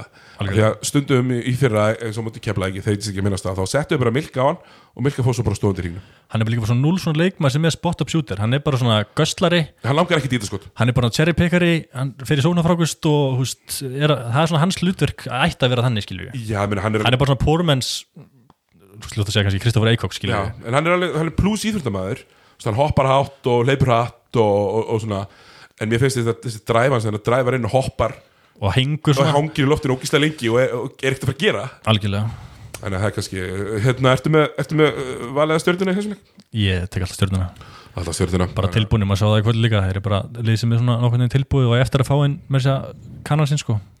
Já, nákvæmlega. Samt bara rétt í það. Eitthvað svona eitthvað svona leikmenn sem þið langar að stíga upp í vetur í deildinni sem að, sem að kannski, ég er ekki að segja, segja ekki, þú veist, or break season eða neitt þannig, ég er að segja kannski eitthvað sem að þú sérð að, að hafi kannski ekki verið að sína alveg sér rétt að andlit og vilt að svona kannski eigi andlit. alveg season. Sko ég ætla spenntur að sjá Sigvalda og Everett til dæmis ég er. Ekki að það þeir, það er kannski ekki að sýnast þetta andlit eitthvað Sig, Nei. Sigtryggur Arnar ég vil sjá hann eiga bara alvöru sísón núna mér finnst hann ekki góður í fyrra. Menn alltaf drulli verið yngvað í fyrra með Sigtryggur vera miklu verið en yngvað í það fyrra til meðst ekki geta neitt í fyrir hérna, og styrtir kannski er ennþá svolítið þínum að þeim merki brendur að þegar hann fer á stað þegar styrtir Arnar drævar þá Mhm. er þá er þá getur þú sett fjóra inn í tegin sko. já, já, hann langar ekki að kikka honum út. Nei. Og ef hann kikkar honum út þá er það bara í strong side corner eitthvað stuttsending mm það er ekkert að frétta. Mér finnst að lifa vel á því í fyrra að eiga frábæra landsleikarna og það fór alltaf flug og hann svona lifið ákveðlega á því, því orðsporið hann já, mögulega kannski leikmaður sem er geggjaður í geggjuðu liði sem, þú veist, Já. með, gegg- með geggjaða leikmaður í kringum sig. Ekki miskilum mér, hann geggjaði leikmaður sko en mér finnst bara, hann spila undir vendingu í fyrra. Ég var til þess að hann eiga alvöru sísón og dagur líka, en bara, ég held að dagur bara verða alltaf góður. Já, mér langar hérna svona kannski mín, mín bæður en kannski Gunnar Ólafsson stjórnunni já, mér fannst hann koma með eitthvað væntingar mér fannst hann ekki, ekkert merkilegur. Ég meina hvað var hann með? 14% ríkistanýtingu Já, eitthvað eitthvað? svona. og var 40% áður en að fór út sko. Já, og tók sko fimm leiki fyrir hann að setja þrist. Já, já, eitthvað svona það um, er gott sjátt uh, Pétur Rúnar fannst mér ekkert verið merkilegur í fyrra. Já, mér finnst hann alveg bara allt í lægi allt í lægi ekki gott, skilur já, uh, titil contender skiluru, kannski þartu að því við tölum um það, hver ætlar að penetrate í þessu lið, það þarf að vera hann. Svo er bara svo mikið með þessa íslensku svona betri leikmenn, þeir eru svo miklu svona einn og einn leikur frábær og einn leikur ekkert spes, eða þú veist, eða skilur mig. Já, mér finnst, mér finnst, þetta, mér finnst fáir vera eins og til dæmis Kári er. Já, Mér, finnst ég alltaf búast við 20 punktum pluss frá og Kára. hann skilar eiginlega alltaf. Og alltaf, mér finnst fáir vera þarna. þegar skiptir máli. Svo náttúrulega vil ég bara hérna, kannski minnast á Mattiasor Kár, já, sem var lélegur í fyrra. Já, hann var ekki ekkert spes. Var byrjar að koma til undir Mér lokin. finnst hann bara hlétraður Já, eitthvað svona inn í sér. Hann bara svona, já, svolítið inn í sér. En núna náttúrulega byrja Kára búið að ákveði mjútinni og búið að reyka þjálfaran og eitthvað svona dótskiluru að þjálfa. Akkurat og besti vinnur hans farin og nú lítur maður að bara hann lítur að vera með liklana Ég myndi aldrei það. Hann Svona í flóti bræði Nei, þú heyrir samt hvað maður er að tala um. Þetta eru svona einhverju svona bakverðir sem að maður vil bara fá meira consistency frá. Algjörlega. Hérna, Já, við erum annars bara að fara á stað. Hérna, hérna réttu eftir kemur Hörður Unstinsson og við hendum í, í NBA uh, en uh, ég held að þið segjum bara svona cirka, þetta sé bara fínt hérna Dominos megin ef maður sé eitthvað fleira. Nei, bara Boston í 7 og Paul Pierce í geitin. Hérna, uh, elskum þetta. Steinar, takk kjærlega fyrir. Takk fyrir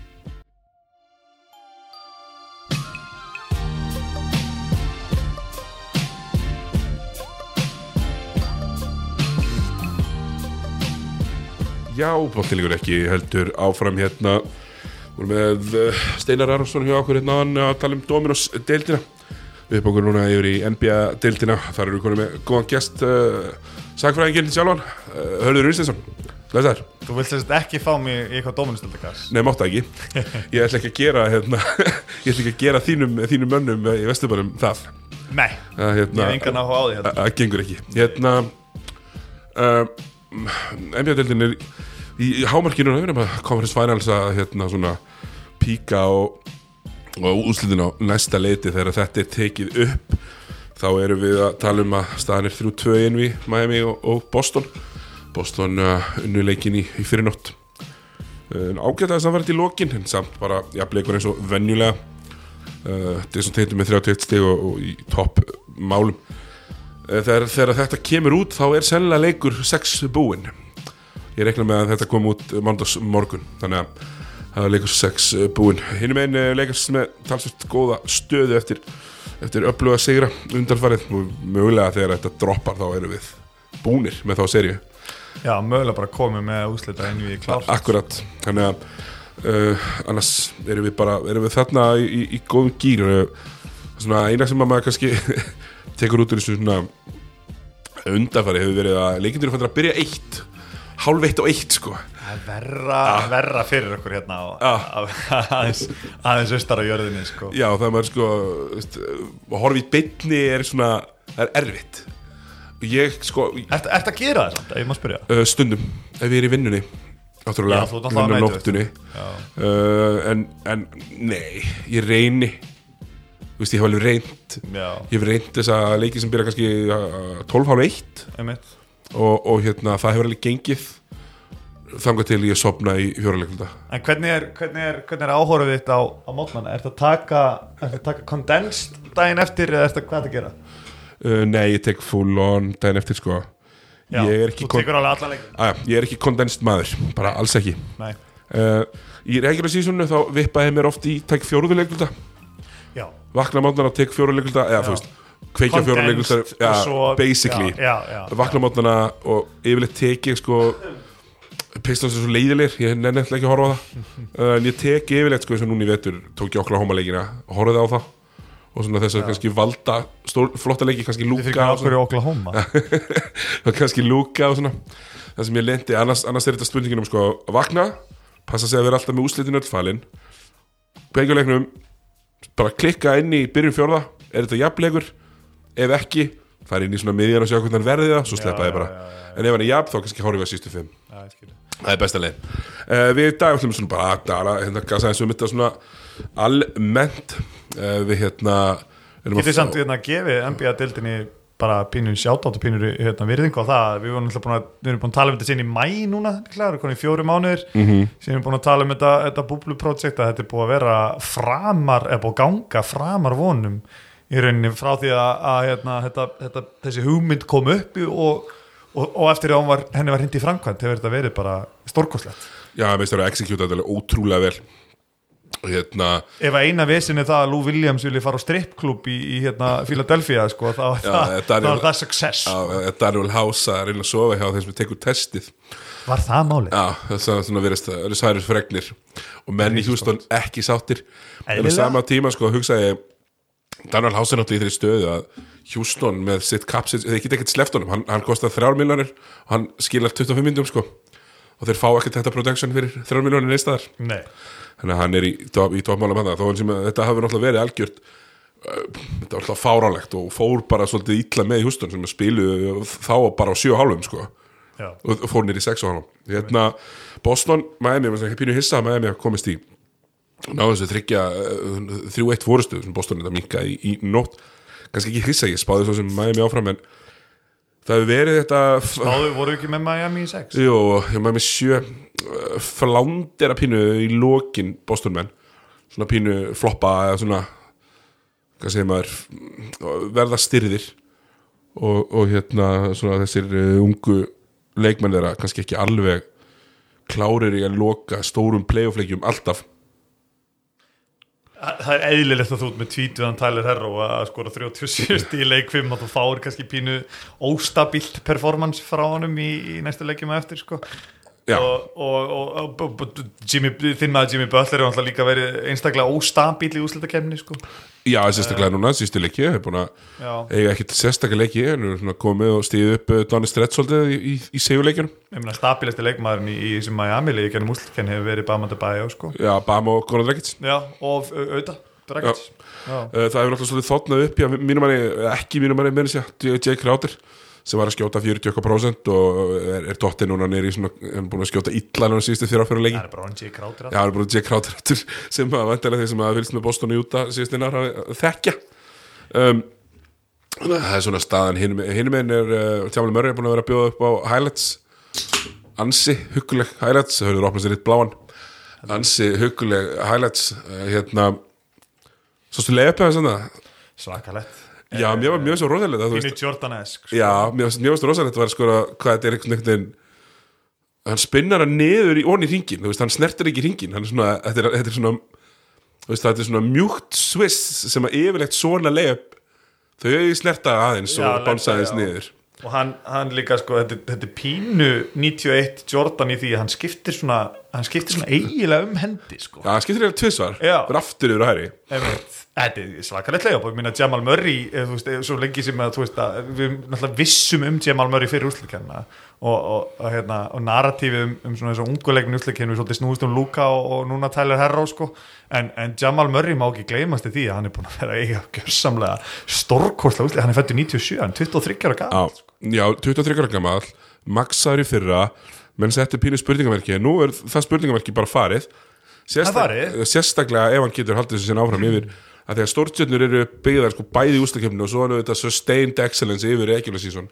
Það er ekki nóg að vera bara ústakefnisleikmaður Nei, auðvitað, og ég meina, eh, þú veist, þetta, þetta Denverlið er alveg óðbóðslega spennandi. Eða þeir geta haldið þessu uppi hérna, næst, eða þeir getur haldið þessum kjartasegri með næsta ári, nú fengi Will Barton inn á næsta ári, Heil, heilan sko Michael Porter Jr. með eitt ára á bakinu. Veist, eh, hérna, þannig ég er mjög spenntur fyrir þessu, fyrir þessu næstu, næstu árin. Já, og það, og það eru flexibility til að gera hluti þannig að þeir eru í, í ágættis málum. Ég, ég búin að grafa gröfur hans Magmalón uh, hún hefur verið tekin upp bæði Hann, þú ert búin að gera það, Ég er búin að taka hann upp aftur þegar hún er ekki Nei, hún er ekki, ekki, ekki það þar. var ótíma bæ Já, mjög, þeir voru tvönuleg undir eða þrjú eitt undir á móti YouTube maður bara, nei, þetta er nú alveg sko. Það ætla að taka það fram eins og ég, ég benti á þetta á Twitter en daginn að vinna sex winner go home leiki í sömu úrslitakenni er náttúrulega bara út í hött. Það er megar eitthvað sens, það er bara, það er bara svo leis á móti, eh, við erum að tala um það á móti Utah Jazz sem fínt út, Jazz lið og Los Angeles Clippers. Title contenders, Los Angeles Clippers sko. Já, nákvæmlega, hérna og þeir eiga núna winner go home leik í kvöld þannig að hérna, Já, winner go home leik líklega, við vitum ekki, kannski eru konum í sjönda leikin eftir að þessu, þessu potti Nákvæmlega, það er bara hálflega harfið til þér og, og hérna, það hefur kannski verið skemmtilegt sko uh, Lebron James er ekkert að skjóta ágislega vel en svona overall impactið er náttúrulega ótrúlegt. Það er alltaf, það er alltaf svona 9-9 skilur 13, þú veist ekki 22-9-9 eitthvað svona. En þetta er ekki búið að vera hans besta úrstakefni ég elska hvernig við gerum þetta samt. Ég hvernig við neittpikkum þá sem er besti Já, ég segi, við gerum þetta alltaf og ég, við, við gerum þetta sérstaklega líka menn sem eru með svona greinilega menn sem eru, eru veist, við, við gerum þetta Lionel Messi líka skilur. Ja. Lionel Messi á underwhelming tímabil með Barcelona og svo skoðum maður statistíkinu og hann er með 50 mörg sko. Já, ég meina, við, við getum hort okkur nær bara á Liverpool, ég meina, Mohamed Salah með 25 og 10 og við vorum bara ömulur. En, en þú veist, þetta er líka búin að gera svo lengi veist, Lionel Messi er búin að vera góður í fótboll er búin að vera bestur í heimi í fótboll sem 2006 Já, bara stupið lengi og Lebron er búin að vera bestur í heimi í hverju Já, veist, Lebron James komin í deildina þegar þú varst á fyrsta ári mentaskóla. Áttu það á því maður? Það er galið sko. Það var gaman á fyrsta ári mentaskóla. Það er mjög skemmtilegt. Hann er búin að vera, hann er búin að vera á toppnum í 17 ár og hann er actually að fara að sigla þessum ég held, að ég held, ég held þessi mjög fátt sem getur stoppað hann í að sigla þessum fjóra til heim. Og því að ég held einmitt að ákkurat núna á þessu tímabili, í þessari búblu snúist úr þessi úslitakenni svolítið mikið um hverju er með bestu leikmennina. Og bestu leikmennir af þessum fjórun liðin sem er eftir eru augljóslega tveir og þeir eru báðir í sama liðinu þannig að þú getur talað eins og þú vilt í kafum það hvort að bestu rullispilarnir sé í, í, í Miami eða, eða, eða í Denver eða í Boston eða að, eins og Bill Simmons var komin inn á það að Boston var með bestu þrjá. Það skiptir ykkur máli hvort þú sett með bestu þrjá. Bestu tvei leikmennir, langt bestu tvei leikmennir sem er eftir í þessar úrslukenni er í samanliði og þú gætir í rauninni og, Já, og, ekki- og við, skulum, við skulum hætta líka að tala niður. Danny Green, Rajon Rondo uh, Dwight Howard þetta, er ekki, þetta, er ekki, eins og þú sért með hérna, eitthvað skröpp í kringu þau sko. Þeir eru allt í læg Þeir eru ekki að spila Brad Wanamaker, við skulum það þannig. Nei, þeir eru ekki að spila Grant Williams. Nei, Þeir eru ekki að spila Robert Williams. Nei. Þannig að þetta er bara fínir rullispilur á milli. Og ég veit að þú ert rosa mikið búin að vera hérna, að- vera anti-rondo já, ég er búin að taka hita, ég er ánægð með það. Menn eru með kvitanir, ég er ánægð með Ég fíla það, ég fíla það. En, en Rassio Rondo er búin að vera frábær í sem vestur conference finals. Hann er búin að vera frábær. Og, búin að vera mjög flottur. Hérna, og LeBron James er búin að spila eins og besti leikmæri heimi sem hann er. Hann er besti leikmæri heimi og hann er að sína það. Og ég þú veist, það er alltaf læg við megum nitpeka það en hann er samt, við verðum að, að viðkjanna það, hann er besti leikmæri heimi og hérna, þeir, þeir eru að fara að fara í úslita mót sem að Er ekki pínu að því að Lebron James fór ekki úrslit í fyrra? Hann fór ekki í sinni úrslitakeppni. Nei, ég er að segja það og þá, þá tókst okkur að, og mér, mér ég átt að það og þú sem sjálfur segur um að vika og maður verður eitthvað að reyna að setja eitthvað að K.I. Lennarta og Jannis, Jannisa fyrir ofan og maður lítur pín út eins og fáviti. Að það. Þe- þú veist, þegar að, þegar að puss comes to shove þá, þá er þetta ekki close ennþá allavega og hérna, mér þykir frábært búndur sem komst, komst með hérna með að þeir eru sennilega með tvo bestu leikmennin í úslakefni þeir eru ekki með tvo bestu first optionuna finnst mér, en þeir eru með langbesta second option sem ég hef séð í svolítið tíma, bara síðan kannski 2000, 2013 dveinu veit, kannski. 2000 já, eitthvað svona. Uh, Curry, Steph, jú, jú, 17 átjón Steph Curry sem second option en Anthony Davis er bara þarna ekki, ekki alveg þarna uppi sem first option en sem second option sem meikmaður sem þarf bara að klára hlutina.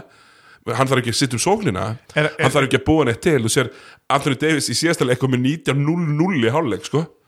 það er ótrúlegt. Þetta, er þetta López tvennu? Já, ég er vel, vel séð. Hérna e, e, það sem er svo, stat, já, sko. ég er að segja það, er svo skrítið að hann var búin að setja saut- 19 stig. Uh, hann var, sjö- hvað var hann, 6 á 8 í skotum held ég 8 af, 8 af 10 og, og mér finnst hann ekki búin að hafa neitt impact á leikin af því að manni finnst alltaf, þú veist, Andri Davis kannski fær hann hann á low post eða, eða hérna fyrir 45 gráðunum. Eitt er eitt til vinstri, eitt jumper, jú, jú, setur hann. En manni finnst einhvern veginn svo lítið vera að skilja eftir skiluru svo horfum maður á að jú, hann er að setja stíðin sín og svona. Þannig að jú, jú, rá, rá gæði, tvo bestu sennilega sem er eftir í úslakefni uh, sem first option að ranka inn og Jókits yfir Anthony Davis en, en Anthony Davis þarf ekki að vera first option. Er, er, er, gerir hann sennilega næst bestan er 2020 Anthony Davis besti er besti liðsfélagi sem Lebron hefur með? kannski. Mér finnst það náttúrulega ekki vera að þurfa hann er náttúrulega ekki búin að þurfa að fara í gegnum þannig ústæðakefni heldur að maður geti alveg sagt það. Uh, mér finnst Hver, leiðin, er leiðin Dwayne Wade 2012 2011 já, 2011 meira. Uh, þetta er besti Lebron nummer 2 Það er það ég spyrja. Eh, klálega, en 2017 átjón Curry er eh, besta second option sem ég já, man já, eftir. ég er að spyrja það besti liðsfélagi sem Lebron hefur verið 100%. með Já. Uh, Betri en 2016 Kari Irving já, klárt, 100% miklu betri. Miklu betri. Við Eh, elskum náttúrulega þessa statistík sem kom frá Hoopsæp herðu, já, komdu með hana. Þetta er, Já, þetta er þín, þú sendir þetta á já, mig þetta, er, þetta er pínu ótrúlega ég ætla kannski ég ætla svona að ljúka þessu með hérna, Anthony Davis að ég hef oft, þú veist ég hef búin að vera alltaf með þetta NBA podcast núna í fimm ár búin að vera tala Fimm ár? já, God já í- við fyrirtin hefur séð um körfubóltu umfjöllin á íslensku um NBA-deildina í fimm ár, það er bara þannig. Fyrir utan úslita fréttir á, á vísi. Að að, hérna að maður svona uh, ég er alveg búin að vera kritiskur Anthony Davis af því mér fannst hann lélegt first option. Menn hann var first option og hann var með Jerry Holiday og félagi í liði og þeir gerði ekki neitt. Og menn keppast nú við að elska Drew Holiday sko það er nú alveg þannig. En núna þegar hann kemur inn og er second option þarf ekki að vera lítirinn í liðinu þá sér maður hvers konar fucking skrimsli þessi maður er. Og þess vegna finnst maður svo fyndið þegar hann er með 19-0-0 háleik af því að svo getur hann alveg fara að tekja 20 frá þessi sinni. Af því að hann er bara hann er ákveðið freak of nature líkanlega daginn.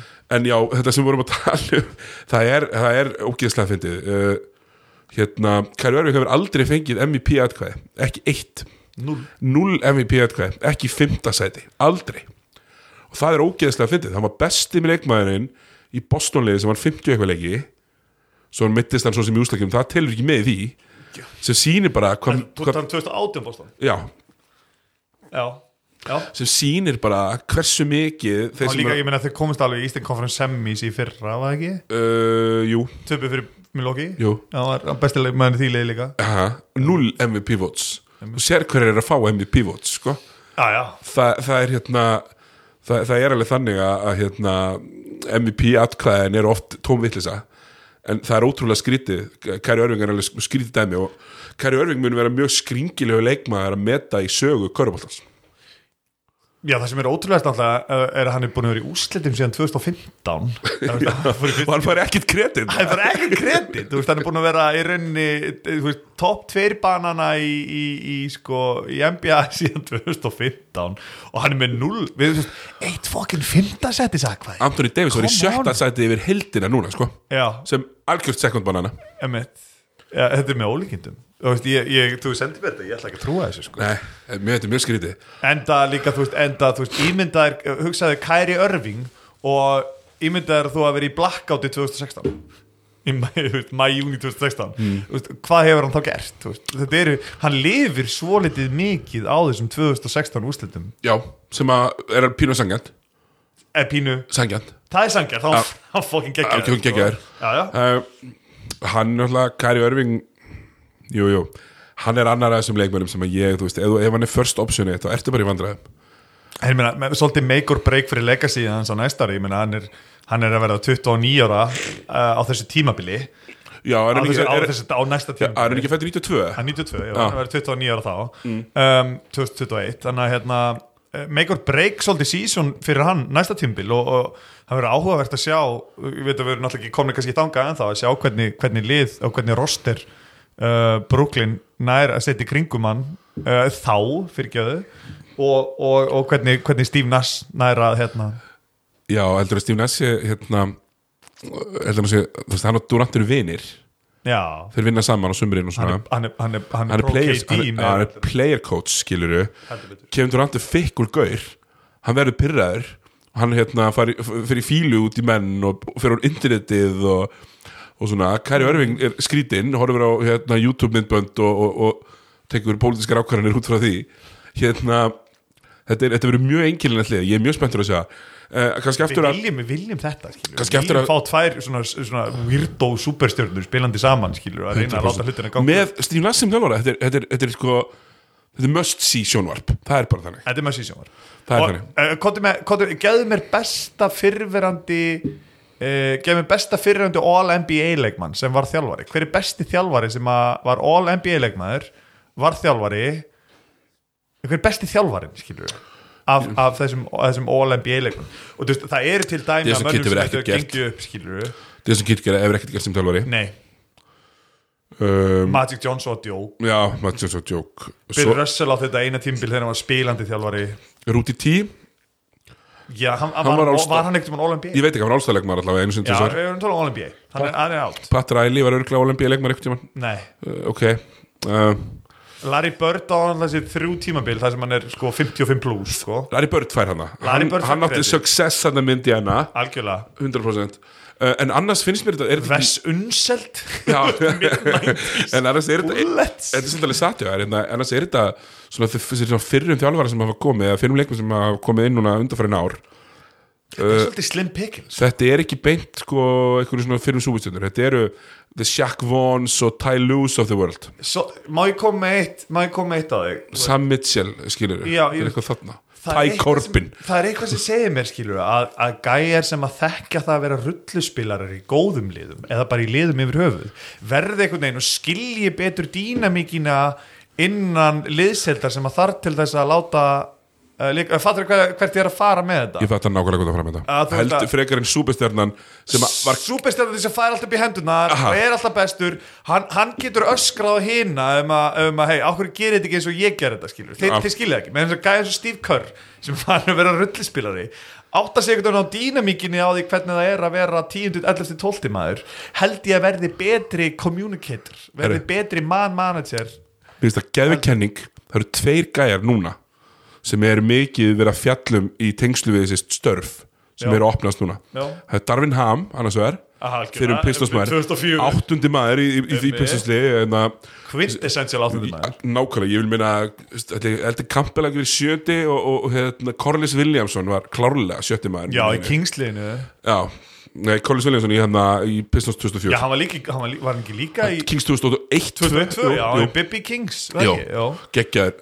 Hættulegur Hvað geggjaður er, hvað er þessi búin að vera þjálfa? Er það einhverju assistant coach? Darvin Ham er hjá, hjá Já, og svo er annar nafn sem er að poppa mikið Sam Cassell. Áhugavert. Mér finnst það mjög interesting. Rulluspilari. Rulluspilari, samt svona Rulluspilari með mitt. Og líka, þú á Sam Cassell allstæð Halló, Pat Riley, rullspilari Phil Jackson, rullspilari Rudolf Janovic, rullspilari Þú getur farið í alveg tala, ég ætla bara að gera þetta morgun Ty Corbin vinnur okkar hérna já, náttúrulega- Ty Lue, Já. rullspilari Steve Kerr, rullspilari Ég ætla bara að fara í gegnum þennan Championship svona, þetta, þetta er ástæðan fyrir að Hörður Kenning. Þetta er ástæðan fyrir að Hörður Unsinsson kemur hér í Botnin Lífur ekki NBA Session. Það er til að smíða svona kenningar. Þetta er, mér finnst þetta geggja content. Um, Sko, það eru það mörg sko, það eru það mörg vacancy núna sko.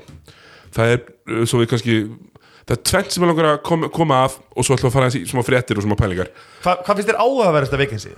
uh, Fili Allan daginn. Um, það sem ég finnst sko, Houston líka. Come on, Houston er mjög á New Orleans. Annan með Zion. Ég sko, held að New Orleans verði alltaf D'Antoni sko við, við, förum, við förum í það. Hvað er það? um, Númer eitt, ok. Ég skal, ég skal alveg játa á mig að þurfa að borða hálfan sokk út af ræðsjónandu Já, ég, veist, þetta, þetta er samt óþægilegt af því hann er búin að vera svo fucking lélegur ha, í, í langan tíma í mörgum liðum með alls konar þjálfara alls konar leikstíla byttu, og svo mætir hann hérna og segir, herru, ég ætla að pikka upp James Harden. Og í alvöru, þetta var það sem hann gerði Resina Rondo er búin að vera svo ógísla góður.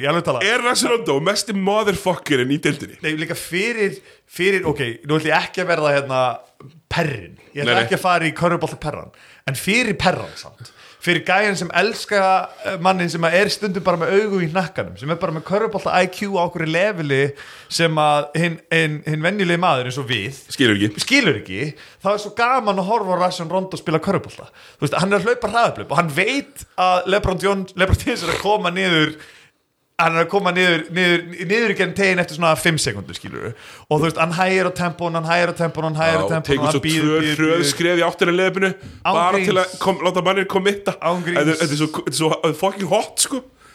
Þú veist, eh, þú þarft IQ á leveli sem að þú veist, sem að körfubóltamenn sem við horfum á dagstæðilega hafa ekki og En, en það er líka samt svo fokkin frustrandi og ég veit hvað að segja, ég skil alveg hvað að segja. Ég hef sagt þetta nákvæmlega saman þinn mann Jimmy Butler skilur, ef að þú ert sigurvegari, ef að þú ert virkilega gæðin sem ert playoff rondo, nú er ég að gera rosalega mikið hérna, í gangi. af hverju ertu ekki með þetta í, á hverju einasta fokkin ári? Af hverju ferði til Dallas og skýtur á þig? Ekki bara einhverju fólk, það eru sjö ár síðan. Ég segi það, það er ógeðslega langt átta, það er 2012 Alltaf þú að segja mig það að núna allt í nú Hey, já, now it matters. Veist, núna skiptir þetta með máli. Veist, það er bara kjafta Og það er nákvæmlega sama Ég hef sagt um, um ekki bara mæta til Miami Ekki bara mæta til Miami Og segja bara, hey, allt nú núna ætla ég að vera geggjaði liðsfélagi. Núna ætla ég að vera bara gæði Út í að núna er ég að spila með gæjum sem þetta skiptir virkilega máli. Veist, það er bara cheap cop-out. Mögulega. Sorry, nei, ekkert mögulega, Jú, það víst. er það. Jú, víst. Það er það. Og samanburður- McCollum að fara á samanburður- Twitter í gær að segja það eitthvað hérna look, they said he was a bad teammate. Það er bara eh, bullshit. Já, hann var bad teammate. Uh, staðrind uh, já, ég get alveg tekið undir margt að þessu en sam, samburður náttúrulega er að þú getur ekki endur að bara já, hérna, hérna sama- Anthony Towns og Andrew Wiggins voru bara pussu sko, samanburðurinn er ómögulega vegna þess að Jimmy Butler er þetta bara miklu betri heldur en Rassi Rondo já, en en, við erum að tala um karakter ég er að segja við erum að tala um það attitútið já, þú, þú veist, attitúti, mér finnst vera munur að vera með skýta attitúti, eða skýta attitúti vera með svona leiðindi og öskur og læti þegar þú ert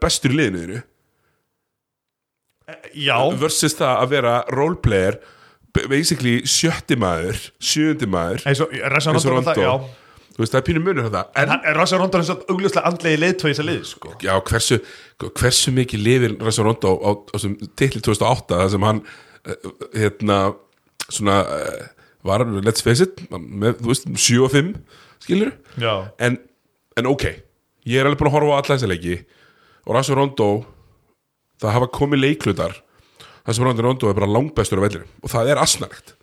Já. En- en, en þú ætlar það- að borða hálfan svo ég ætla bara að hálfa svo að því að, að, því að hérna úslitinu er ennþá eftir. Já, ok, halda áfram með hérna, hitt er auðvitað að Chicago Bulls eru búin að ráða þjálfara Billy Donovan. Hvernig líst þér það? mér líst bara mjög vel að það þú veist, Chicago Bulls eru náttúrulega uh, það sem þeir eru að reyna að gera er að, er að forðast að vera Knicks forðast að vera í hérna rebuilding fasa á tveggjara fresti. Í alveg, það er vond þú veist allt um það, það er vond þekki það. Er ekki svo erfitt að koma sér upp úr því. Um, hann vildi ekki vera í að hann er ekki rekin hann bara segir, þú veist allar fregnir sem ég hef lesið er að hann hafi bara hafnaði að vera áfram af því að hann nefndi ekki að taka þátt í vildi ekki taka þátt í rebuildi, vildi ekki taka þátt í tanki um, ég skil alveg munin sko, Bulls núna er alveg, þú veist, þeir, þeir eiga að vera trenda í hina áttina. Oklahoma eftir niður yfir, skilur við þeir eru eftir sísoni þar sem að Oklahoma næsta sísón er að fara að vinna 20 leiki sko. já, þeir eru eftir niður yfir sísoni meðan Bulls eru kannski búin með það. Um, sem eh, nei, sko, ég er með pínu teik með þetta. Að ég held að Billy Donovan ég trú ekki að Billy Donovan sé að taka þetta púlslið ef hann ætlar ekki að sjá Lári Markarinn fyrir sig sem er risakalli í þessu lið ekki Tim Boylan hörðu, Lári Markarinn hérna stattu hérna á 45 gráðanum að fáðu aldrei boltan um, því að það þýðir ekkert að ætlast til þess að lið sem ætlar að vera með sakla vín sem first option þú getur ekki gert neitt. Þú, þú, þú endar alltaf á nákvæmlega sama stað. Að þú ert, að, ert í konstant rýpildi þú ert í tíundasæti og, og hérna ég, ég held að það sé hérna, ákveðin svona koma ákveðin svona skuldadagar ég er hérna pínu, pínu spenntur að sjá hvernig, hérna, hvernig, hvernig púls muni, muni fara á stað. Getur samt verið uh, nú, er ég, nú er ég að hugsa upphátt. Mm. að þess að vera með búin að fara yfir þetta á nokkurn einast þátt getur verið með gæja eins og Lóri Markanen þá er ég að tala um veist, þess vegna sjöfetta þú veist, hann er sjöfetta stretch skilur uh, getur verið með þannig gæja sem fyrsta option nei. nei, nei, nei, nei, það er ekki verið first option. En þú varst að segja það? Nei, nei, ég þú veist segja- ekki að sakli vín ekki, nei, ég vil bara ekki hafa sakla vín Já, en, en nei, nei. En þá Sko- þá þarftu að gera kopi væn uh, pointi með Lári var sko hann þarf að vera miklu stærra kog í sókninni. Hann getur aldrei verið first option. Uh, nútíma NBA býður ekki upp á first optioni, get ekki sett boltar í gólfið. Til miður þú verður, mér að segja Jókits ekkert meira að segja, Jókits dripplar upp völlin þú veist Já, já. a- a- það, það er playmaker á, á ferðinu og allt skilur, algjörlega, Janis og við erum já, já, akkurat, þú verður ekki sett gólfið. Þú verður að gera það. Anthony Davis sem first option, það var ömulegt það var ekki gott. Það var 40 sér lið, sem er bara ekki, ekki gott í vestirinu nei, nei, um, Anthony Davis sem second option besti second option í heimi, skilur heimi, eitthvað þannig. Síðust tíu ár já, Já, já, já, þú- veist, já, alltaf leið. 2017 átti á Steff þetta er einhver ofurlið. Já, já, já, ég, er alveg sammála en það kannski gefur okkur eitt, hérna, eitt take. Og við erum að fara svolítið hi- hingað og þangað sem er allt í lagi, ég ætlaði ekki að vera fókuseraður í kvöld. Það er að, að hérna, þú, þú, þú segir hérna uh, fyrir utan ofurlið. Það er mitt svolítið punkturinn sko. leikast er að fara að vinna hennar titil held ég. Þeir eru ekki ofurlið þetta er fínt lið. Þetta er fínt lið. Þetta er ekkert þetta er ekkert á pari við Golden State undan fyrir nár Nei. þetta er ekkert dænast í lið sko. Bara langt í frá. Þetta er fínt 55 sér að lið sem að kemur inn í úslakefni og, og gerir vel. Uh, eru, eru, eru klókir með matchup og með besta leikmann í heimi? Þetta er ekki, þetta er ekki 65 sér að hérna, San Antonio fyrir þreymur árum þó er ekki einu sinni unnið. Þetta er ekki þannig lið En það er, er, erum við ekki svolítið að koma út úr því erra í, í NBA-deldin eins, eins og til dæmis bara að við vorum að tala um hvað er besta hvað Nei, er be ég held ekki, ég held þessi bara að þú ert með Lebron James. Já. Og nei, ég meina, veist, það var mikið talað um það síðasta sumar þessi, þessi veist, Embiid Simmons hérna, Ha- Davis, LeBron uh, hérna George uh, geti haldið Harden Westbrook, það var svo mikið talað um það að balansi væri svolítið að skiptast. Þetta væri svolítið þú veist, við erum báðum búin að taka stjórnmálafræði. Þetta var svolítið kaltastriði, skilur Langalega þannig að, að hérna, þú veist þannig að mér finnst, mér finnst alveg eðlera að power balancein sé aðeins að, breytast í það að þú ert komið fleiri liði sem að eiga möguleika. Og þetta er alltaf fyrsta árið Sigurður, síðan er unni ég ætla að segja síðan 2010 síðan var ekki svona, nei síðan 2015 við verðum meðal að taka 2014-15 með áður en að, Golden State verður Golden State. Það sem er svona kláð favorite uh, title contender sko. Og ég meina Warriors er búið að vera liðið til þess að sigra. Síðan 2016. Team to beat, síðan 2016 og undan því var það Miami. í raun og verið 2020 Þið vinna 67 Já, þannig að leiki. Þið vinna ertu með- 67 leiki í 14-15 Já, þannig að taktu bara allan áratvín Taktu bara 2010 til 2020 Þú ert með eitt árat í miðjunni og eitt ár í lokin. Þú ert með byrjun, miðju og lok. Það er svo með- þú ert með 10, og, nei, nei, 15, og, 20 og sko miðjan er samt eiginlega bara því við trúðum ekki á þetta. Já. Þeir voru samt 65 sér Þeir voru 65 og fóru svo völdu yfir úrslit sko. en þú veist, fyrir fram, fyrir tímabilið voru þeir ekki favorites. Þannig að þú veist, tekið þetta skilur að það tekur ákveði langan tíma til þess að byggja upp þessi ofurlið. Og við erum akkurat í power shifti núna. Akkurat núna, akkurat það sem við erum núna í, NBA, í bara sögu NBA-deldarinnar að það er, núna er að fara að koma einhvers konar, einhvers konar svibla í áttina að, að, að einhverju, einhverju ofurveldi. Og ég held, og þetta er teik núna sem ég er að koma með og, it. hérna, og ég held að þetta næsta ofurlið NBA-deldarnar verði Miami Heat. Þeir eru með max cap space á næsta ári það er það sem ég er að segja, ég held að Janis Antetokounmpo sé að fara til Miami til þetta er spáminn inn í framtíðina. Það verður rosalegt. Hérna, Mér finnst þetta gott sko. allir, hérna, ég vil að allir þeir sem er að hlusta og, og vilja kannski mögulega vera einhverju spámenn eftir tvö ár myndi bara hérna, Miami er með max cap space já, veist, þetta er er ekkit hot take Nei, nei, um 2021. þetta. En ég held að, ég held að Miami og þú veist, ég held að Lakers er byggt ég ætla ekki til einna nætur en það er byggt í svona tvekja þryggja nátta max. Ok, nú kemur nördin aftur. Hérna, power shiftin sem þú talar um sem koma, Já. þau koma af ástæði þau koma með kappstökki Ég sé 2010, það. Já. 2015 Ég sé það. og það hefði átt að vera kappstökk núna já, já. það hefði átt að vera risa kappstökk, það, átti að verður ekki sem verður ekki út á COVID Akkurat, og, og sem minnir okkur á það að núna erum við að tala um að út af hérna, ef ekki bara kalla LeBron James og Chris Paul maxið sem 30, um, veist, mennur þetta 35 ára, já. Akkurat, og þannig að þið getur fengið 35% af launaþekinu, þannig að þið eru 38 ára. Þá er að tala um að það vera menn þú veist, eru eru Westbrook, Harden, John Wall og félagar með 50 miljónur ári, þeir verða með ótrúlega stóran part af launaþekinu.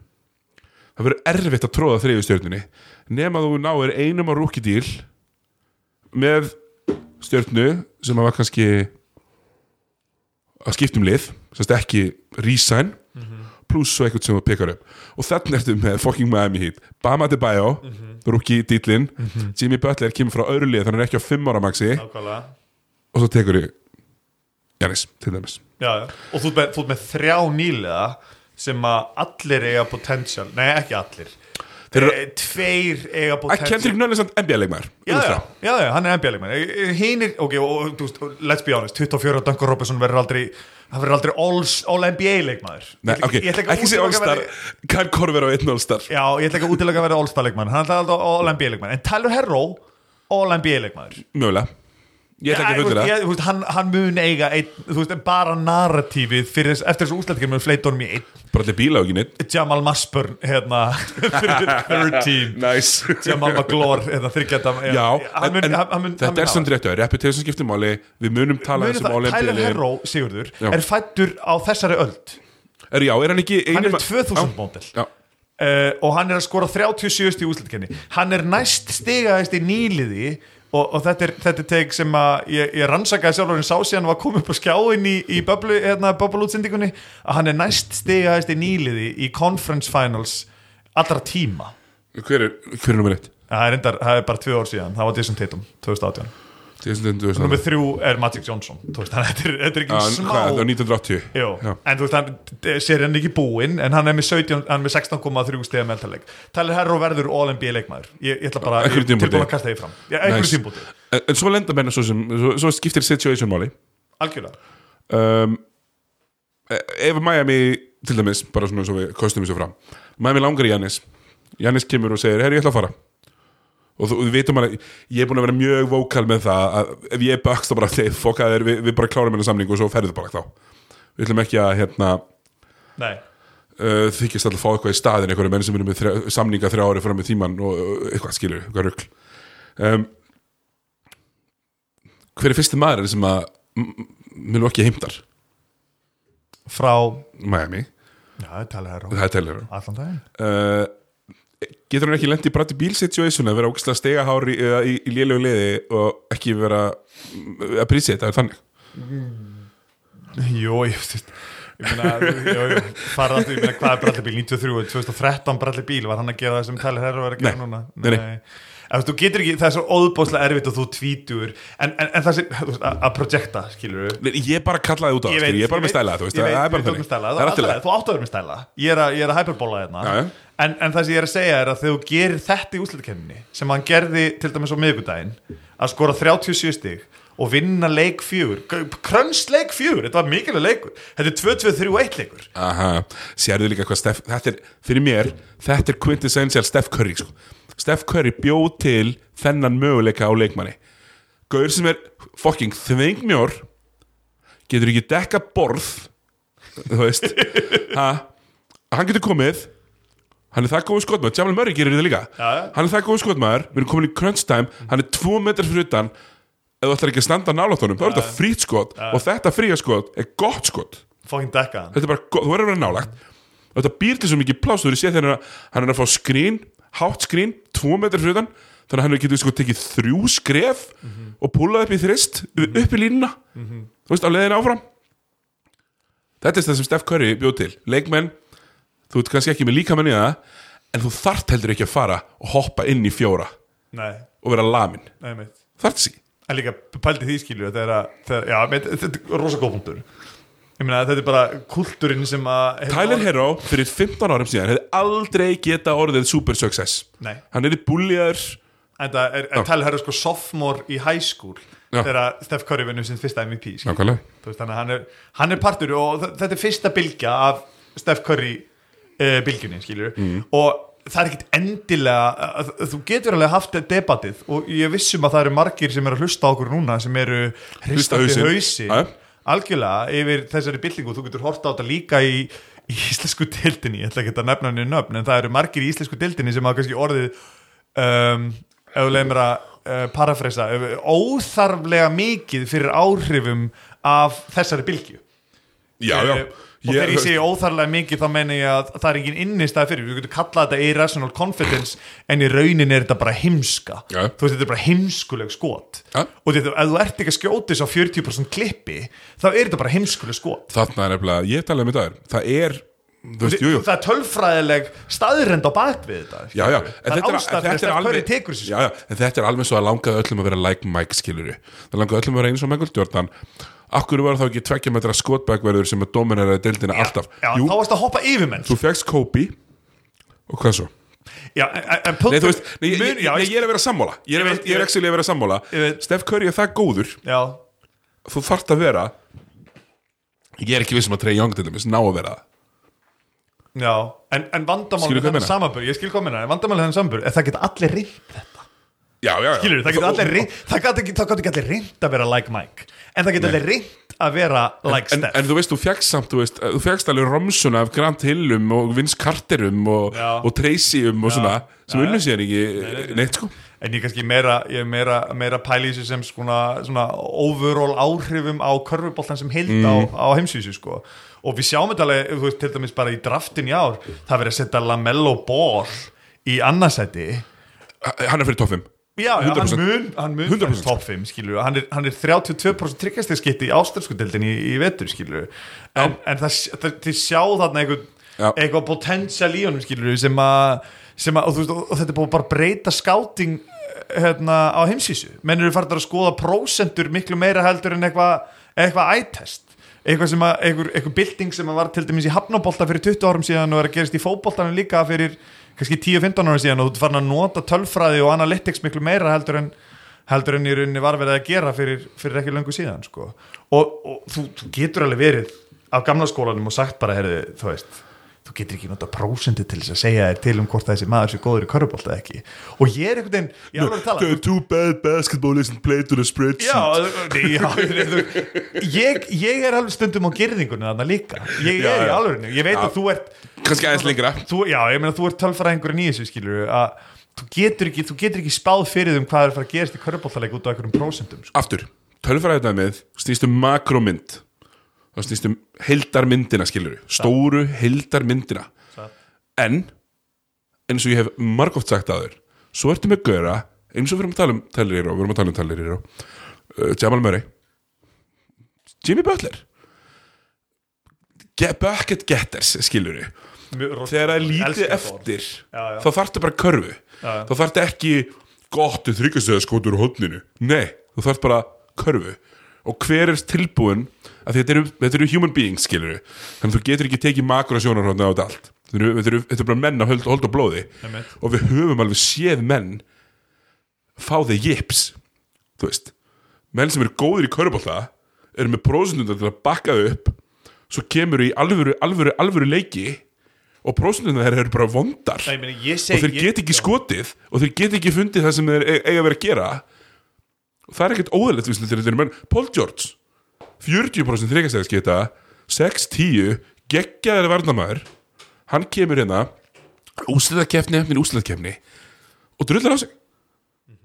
Af því að makrosjónar getur bara verið yfir heildamindina svo á endanum þá þarftu bara að gaura sem að segja bara herru, fokka þér við fyrir að segja um þess að körfi þetta og, og, og þar kemur einmitt, þetta, það kemur sögufræðilega konteksti inn í þetta sko. Og mér finnst ég vera mér finnst ég vera að sjá einn svona gæja vera að fá sitt fyrsta svið og, og vera að skýta sig. Mér finnst Kemba Walker vera að skýta á sig Herru, þetta er mjög gott teik vegna þess að Kemba Walker kemur hérna inn með Supermax tilbúð frá Charlotte sem hann tekur ekki. Hann á að vera gæin. Jason Tatum ákynsin að vera gæin Kemba átti að vera bestur í þessu liði. en Kemba átti að vera bestur í þessu liði. hann er auðvitað ef ekki. Kjartan væri þetta með okkur þá myndi að segja það sama. Kemba, ef þú horfir á launa ef þú horfir á launaseðlin, ef þú horfir á launatjekan hann á að vera gæin, Já, hann á að vera gæði Er hann, hann er ekki gæin Nei. og hann er svo langt frá að vera gæin það er eiginlega bara vandræðileg Já, hann finnst það heldur ekki gaman. Og hann finnst það ömulegt Já, en það er líka bara kannski að því hann hefur aldrei þurft að gera það. En mér er alveg saman, þú dóna þrítur skilur Já, þú fær ekkert að fá sensa.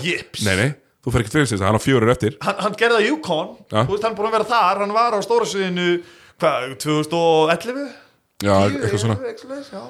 en þú veist eh, ok, það er verið að borga þér- ok, en, þá verður Boston að snúa, snúa þú veist, nema þeir treysti því að hann náði ángað en þú dórið þrítur hann var þrítur, sko að, og, þá, þá er rosa erfitt að treysta það að þú náir þángað Þetta er samt sko Mér finnst þetta, mér finnst þetta, mér finnst þetta geggjaði punktur af því að það ertu með mitt. Þetta með kemba. Þetta, þú hefðir geta fengið þetta í Anthony Davis. En hann er búin að svara. Hann svaraði. Og er ekki lítill. Hefur hann ekki svarað áður svaraði hann ekki þegar hann sópaði Portland út sem Nei, þetta lower seed? Nei, ekki, ég, nei, nei, nei, Hann sýndi allavega- Nei, því honum var sópa svo það er eftir, sko. Hann var sópa kortir. Honum var sópa það var fjórar Warriors. fjóra röð. Já, það er sópa fjóra úrslikefnir í röð. um, sópuðu Þeir sem að 2017, kom í eh, 2018. Jú, sópuðu bara Já, já. En það gerist, við skulum alveg hafa það á hreinu að, að það gerist, stundu færið bara minna, þú maður skora með honum? Uh, hvað sér þú maður skora með honum? Ég, ég sópa, já, Rondo. Rondo og Jerry Holiday. Rondo og Jerry Holiday. Nei, þú veist, þetta gerist samt. Þú færið svona svona serjur, Golden State, Dallas 2007 ég ætla samt ekki að segja Baron Davis ég all timer, skilur hérna, mér finnst þetta mjög skemmtilegu punktur með Kemba, við kannski kíkjum hans á Boston af því að Boston alltaf er hérna í eldlínunni við erum að tala um að þetta er samt liðið þeirra. Þeir eru búin að það er búið að semja við Jalen Brown. Það er búið að hérna, þetta þessi eru, eru fastinn já, það er búið að semja Jalen Brown Gordon Hayward á 34 miljonar player option á næsta ári. Hann er að fara að taka hann. Hérna, til þess að þetta er upp for extension núna og þeir eru maksan, auðvitað, strax. Auðvitað, kempa á fjóru eftir. Þetta, Markus Smart á þrjú held ég eða tvö, þetta er liðið þeirra. Þeir þurfa að bæta sig on the margins. Það er enginn að fara að taka hennan jújú, jú, það er eitthvað lélegt lið sem er alveg til í að taka og segir hæ, ég skal taka hennan Gordon Hayward samning. Þú er bara að gefa mig pikkið inn. Mm -hmm. svona svo léleg leik ger alltaf. Mm, kannski punkturinn punkturinn kemur einmitt úr þessu úr þessari pælingu með með Kemba Walker að hann er svo sem að býr til hlut af driplinu við tölum oft um tölum oft um sko menn sem að komast fram hjá manninu sínum Þú þurfum ekki alltaf að skjóta yfir hann þú veist, þessum Tatum og Jalen Brown rosa mikið í að skjóta yfir mannin sinn mm -hmm. skilur hvað ég meina -hmm. það, er ekki, það er ekki það margir sem komast fram hjá manninu sínum -hmm. um,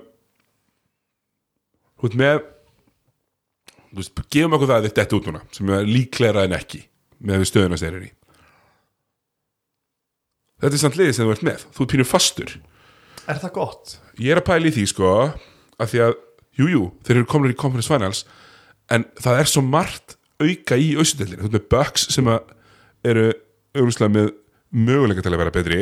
Þú ert með Philly sem eru auðvitað með möguleika til að vera betri þú ert með hérna, Raptors með, með hérna, alls konar menn og alls konar options skilur það er ekki endilega víst að það reyndar, ok, bara svona meðan ég er að tala um þetta, þá saði ég þetta líka árið 2018, þú veist ekkert hvernig austuðildin verður þú veist ekkert hvort það komist aftur í conference finals og þetta er konur aftur í conference finals.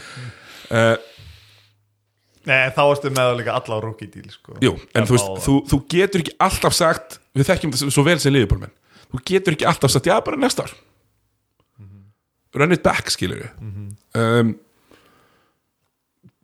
Það er ennþá meira precarious í NBA-dildinni ég er að segja það, þú veist. Hérna, já, þetta er mér finnst það mjög, mér finnst það mjög, mjög, mjög flókið, mér finnst þetta, mér finnst pælingin með En ég meina, þú veist, ok, stoppum svo það, ég meina, þeir eru ekki dottir út ennþá, Nei, nei, þeir eru ekki dottir út. Við erum ekki, það, þú veist, þú veist að tala um eulogy fyrir lið, skilur, meina, við erum ekki komnir í Boston eulogy ennþá. Nei. Þeir eru komnir samt, samt sem áður, og ég Þeir geta samt ekki unnið leikes, Já. aldrei nokkuð tíma, Nei. en samt sem áður, ekki, Já. uh, fine margins, Miðir mögulegi Ég er segja það, ég Ef Lebron James misti úr sig í leik ég 2 segi það, þú, þú ert alltaf, þú veist, ég meina, Það er sem Raptors Það er sem Raptors gerir fyrra. Það er svo ömurlegt ef við fyrir maður lið. Þú ert bara þriði besti af skilur Þú get, Þetta er það sem þú gerir Ég Það hefur hann komið slótt Hann er bara komið svona Sigri- Þess að þar að leiðandi er hann bara svona góður Ég sagði, ég Sigriður Ekki Sigurður.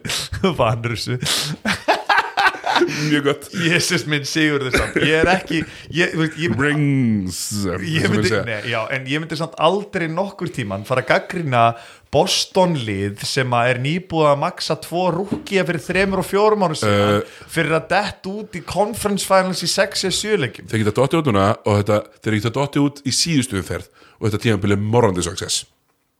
Og þetta tíma Þeir hefði geta morrandi success. Já, Þeir hefði geta tapa fyrir að Raptors segja. Já, 100% já, já, já. Þú, þú, það verður, þú, þú talar um þetta sjálfur við rifist um þetta, þú, þú verður að tala um kontekst Nákvæmlega. Einmitt, þú veist, kontekst er þarna hjá þeim að, veist, að þeir fóru þarna 2018 eh, veist, ekki út af því að þeir voru svo frábærlega skipulegur og góðir. Nei, þeir lendi á mætti Washington Já, Wizards. vegna þess að úrslitin var umurleg En þeir eru komnir hérna núna by their own merit. Þeir eru 100%. komnir hérna núna. Já, vegna þess að þeir eru góð Þeir eru búin að slá út allavega eitt gott lið Eitt og hálft gott Eitt lið. gott lið, hitt var Já, uh, hitt og train hálft. wreck já, já, já. Allavega, þeir eru búin að slá út mjög gott Toronto Raptors lið Án Gordon Hayward Það má ekki, minna, það má ekki glemma því hann, en, en ég er alveg sammála þeir í því að þeir eru fastir þessu liði Ég meina, Gordon Hayward er besti pick and roll leikmaður þeirra, sko. Ég er að segja það, er, er.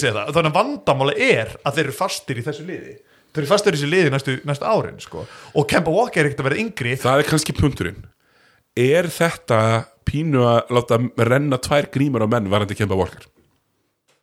mm, allan daginn ég meina, og þú veist ef að, ef Af því að, þeir fengar ekki þeir fengar ekki til að vera þriði bestur. Að þú hefur setið mig með kjartan alltaf kjartason hérna í september-oktober og þú hefur spurt hann að því í fyrra Já, hver er bestur liðinu? og spurt, þú hefur spurt hann hver er að fara að vinna titilin fyrir það. Heldur hann að það er Kemba Walker?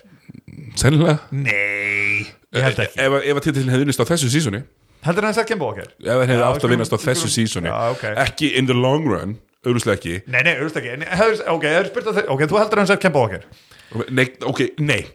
Ég held að hefum spurt að eh, hver, er best, hver er bestur í liðinu hefði hann sagt Kemba Walker Hver þarf að vera bestur í liðinu til að vinna titil Jason Jason Tatum?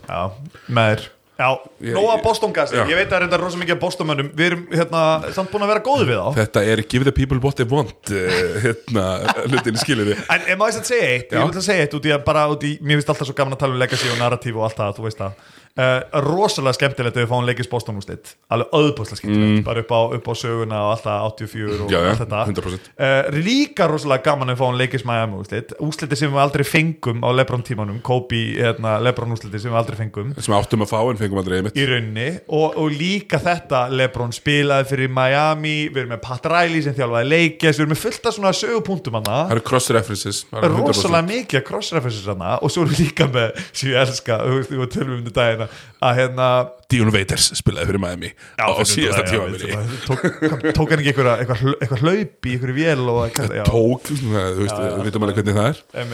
En þú veist, út líka með Pat Riley á móti, móti Lebron James, þú veist, með fullt af einhverjum svona hérna góðum, góðum hérna, góðum sögupunktum sem er hægt að spila. Meðan að sko Denver á móti Boston eða, eða, eða Miami væri væri þrótt sko. Já, sko, málið er að verðum samt að leifa okkur, sko þessi lið sem hafa aldrei unni, þau verða að fá eitthvað tímana, þú veist, ekkert verða að fá. Ef þau ná að að rífa sig inn í það að komast í úslit þá meðum við ekki tala niður að þau, það sé nú ekki það spennandi. Mér að Denver Nuggets sem búin að til í 40 ár. Ok, sorry, ef Denver kemist í úslit það, væri eins og Orlando kemist í úslit 95, eitthvað sem það átti enga við skilið, það átti allan tíma 95 sorry, að ég sé komin aftur hérna 20 ári tíma með COVID lengur við getum alveg haldið áhrum í Orlando 2009 Já, já, Þegar við áttum að Annað- fá Það átti að vera. Cleveland Lakers já. og það átti líka að vera Houston, Chicago 95 skilur, já. við áttum að fá þessi sögufræði Við fáum ekki það sem við viljum sko. Nei, við fáum alltaf þessi, leið, þessi leiðinlegu lið sem að eiðilegja sögulega narratífi sem við viljum sjá og ég, það gæti alveg verið mér finnst það mjög ólíklegt en það, það gæti alveg verið að að Denver sé það liði á Nei, nei, ég held að ég, ég ætla alveg bara að hafna því uh, Já. Varstu svektur að fá ekki leikist leik Nei, Los Angeles, Los Angeles Legas Cleveland? Leikist Clippers. Uh, Legas Núna í Clippers. Nei, ég ætla að fara að vippa okkur yfir í Clippers. Já, Clippers loka sísoninu sínu let's face it, þú, við tölum oft um with a bang en þeir lokuðu sínu sísonu with a eh, já, já. Veist, svona svona, eh, svona kláraði sísonu þar. Paul George mætir í við, viðtal eftir leik. We didn't feel like this was a championship or best season Sagði það? eru þið að fucking grínast? Clippers. Paul George, þú komst til Clippers.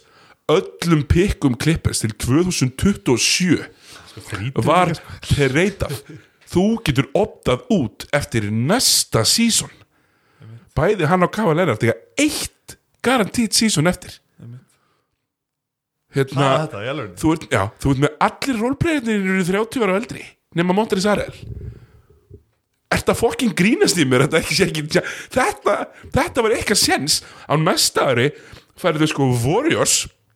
Hérna, þú færð alls konar lið, við veitum ekkert hvernig tímabunum mun þróast, því þú færð alltaf einhver frábær lið sem þú bjóst ekkert endilega við.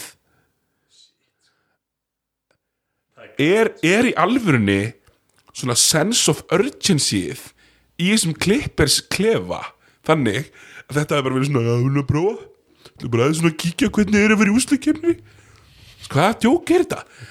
Þeir fóru bara alveg jafn langt og það sem við munum og gerum í dag og munum í sögunni líta á sem failure. Þetta klippislið gerði ekkert meira heldur en Lob City Clippers. Ekkert meira. Þeir heldu þeir mættu inn í þetta við vorum búin að, við vorum búin að setja þá í titilinn. En en í staðinn þá, þá ef, horfir, ef við munum horfa á þetta klipperslið 15 ár fram í tíman whatever skilur þetta, þetta lið skilur ekkert eftir sig. Ekki neitt nema hype og, og, og vombriði á leiðin tilbaka Í rauninni bara enn eitt tjókið í sögu Los Angeles Clippers sko. Já, en ég meina þetta, mér finnst þetta tjók á leveli þar sem að menn voru að haga sér eins og þau varu mistarar allt fokkin tímabilið Myndur setja verið verra heldur en 2015 tjókið á Já, að þeir eru að tapa fyrir léleira liði Nei Er þetta að djóka? 2000 er- er- er- er- Erum við að tala um 2015 Rockets 55 sérar Rockets lið Í alvöru, þeir eru, þeir eru að hærra sítaðir. Ok, Kleipast töpuð fyrir læra síti. Ég vil fá, ég vil fá skoðanir frá stundum þessar rættar ef þið telja að þetta Denverlið með Jamal Murray og Nikola Jokic ungum Jamal Murray og Nikola Jokic Hvoru eru á levelinu sem James Harden var á Ég men- 2015 Já, ég meina, ok, já, þú varst með James Harden, já, en þú veist líka, James Harden var á bekknum í leiknum þar sem þessi Leik- séri var kláruð. Leik 6 Já, já, þú veist, þetta var Corey Brewer, Josh Smith Þetta er verra tjók Þetta er 3-1 Þeir eru um yfirbröðstöðu Á móti læra er já. Á móti læra Hitt er meittur Chris Paul með hamstring sem spilar ekki fyrstu tvo leikin í seríunni og haltar síðustu leikin í seríunni. Þetta er verða tjók. Er En, En Clippers eru tjók franchise. Pældi ég að tjóka svona oft? Þú veit með, með að- mínum að þetta the time á, á, á ákveðnum tímamóti var Chris Paul hann var Chris Paul var top 5 leikmaður mest allan tíman sinn hjá, hjá Clippers mögulega mjög nála topnum aldrei nummer 1 en mjög nála topnum hann 1-2 season. Þú tapar og þú tjókar og tjókar og tjókar og segir já við höldum bara þetta okkur í oss hann far annað sé annað svona lið sem að ætlar að gera sér vonur um já aftur gerist þetta og svo getum við heldur ekki glemt því sko. tjókið hjá Clippers 2015 felst í því að tapa af því að allt í einu settu Josh Smith og Corey Brewer fimm þrista á manni í einum hálfleik og unnu. Einum leikluta ég er að segja það. Já. hvað gerist núna? Kawhi Leonard, maðurinn sem átti að vera besti leikmaður í heimi og Paul George sem er treytuðu allir í framtíðinni sinni ekki til setja þetta á Kavais 2000 Akkur maður ekki setja Kawhi? Byttu, byttu, var Kawhi já, ég- Hann með tvö stig í setni það hálfleik fóru tilfinningar mínar á flug. Í leik sjö? já, já, já, alltaf lægt, Tvö stig? Klára þetta Hann spilaði ömurlega í öllum fjóruðu leiklutunum í þessum af því Kawhi Leonard og þarna vil ég reyndar segja eitt að það er ekki Kawhi Leonard að kenna að líkamina þessi greinlega bara að- að að breðast hann Mhm. í fjóruðu leiklutunum alla seríuna þá gæti hann ekki komast frá með mannum sinum hann var hættur að komast framjá hann var hættur að geta elevita yfir öll skotin, frontirim Kawhi Leonard og Paul George ég ætla að við 10-38 í þessum leik í svo lokaleg, skelvilegt og, og þetta er bara andlaust og lélegt já, já hérna, ég meina og samnefnarinn er mér langar rosalega mikið að heyra hvernig við ætlum að afsaka K.V. Lennart sko.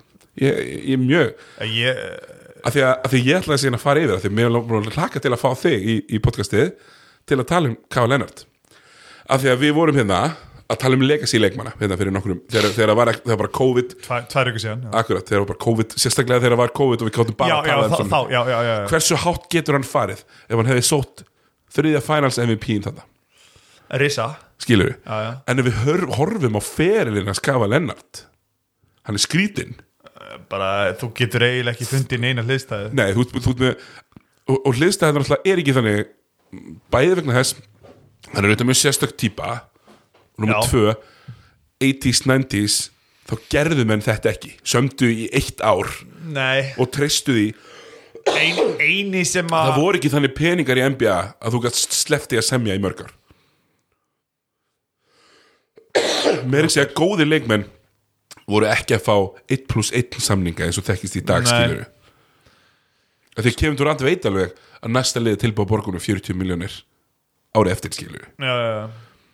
Og það hefur aldrei verið nálagt í einu sinni að vera í umræðunni af einhvers konar regular season MVP vegna þess að hann, hann bara hann, ennum að 2017 um, hann, hann vill bara ekki spila.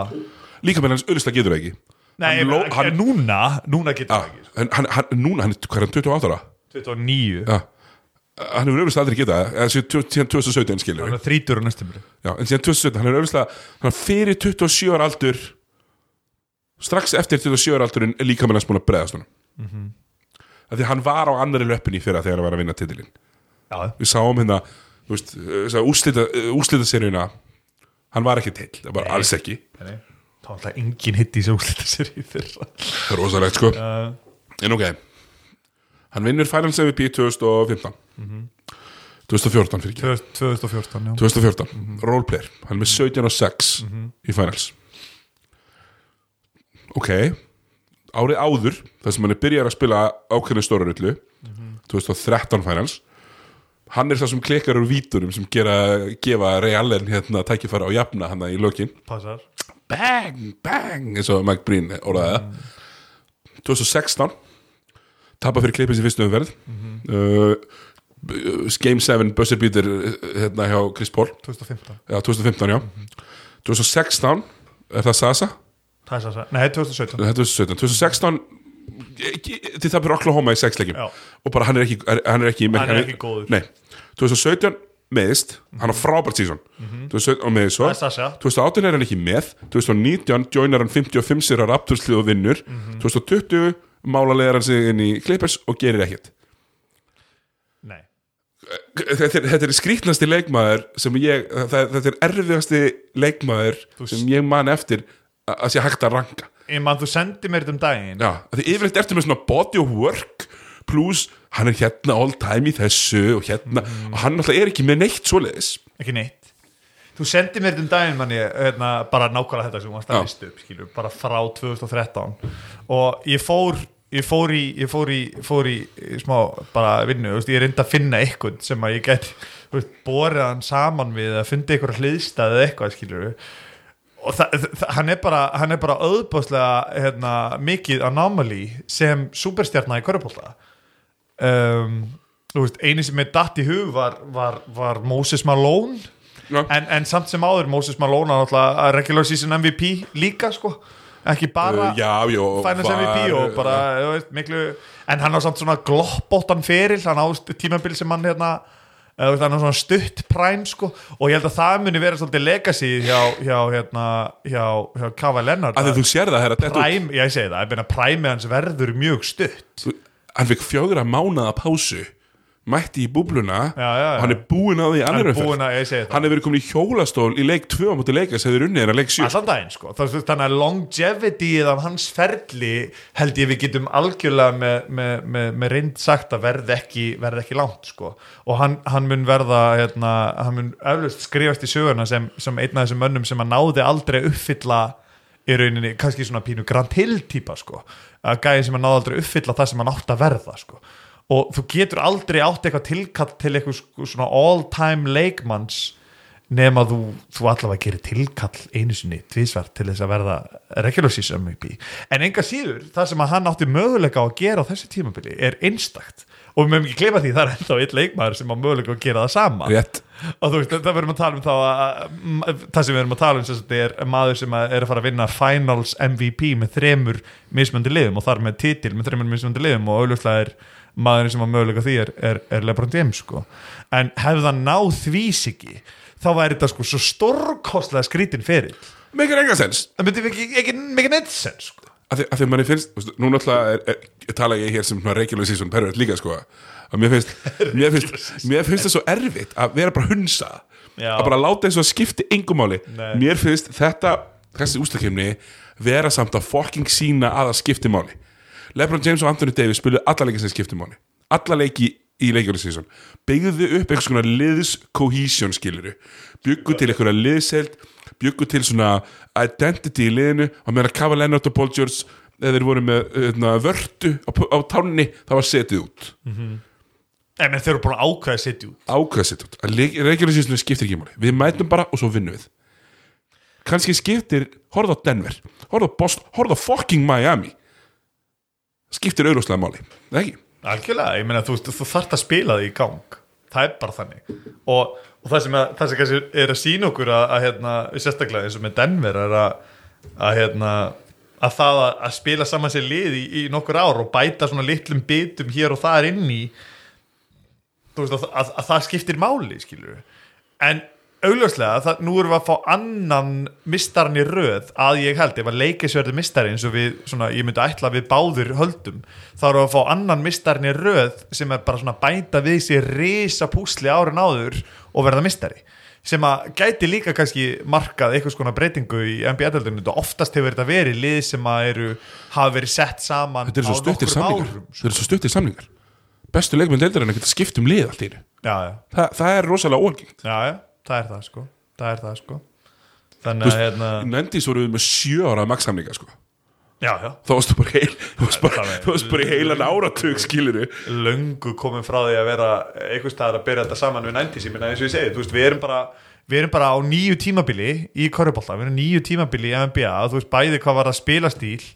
Uh, en, en mér finnst, finnst á, ágætlega upplýfgandi að horfa á þessa Lakers Nuggets seri út, ég menna þetta eru þetta er, þetta er pínu svona, það er engin hérna, þetta eru lið sem eru allavega að spila uh, bolta sem er ekki svona homogenic sko, er mjög Mjög skemmtilegur körubólti mjög spilaðir skemmtilegur, já, já.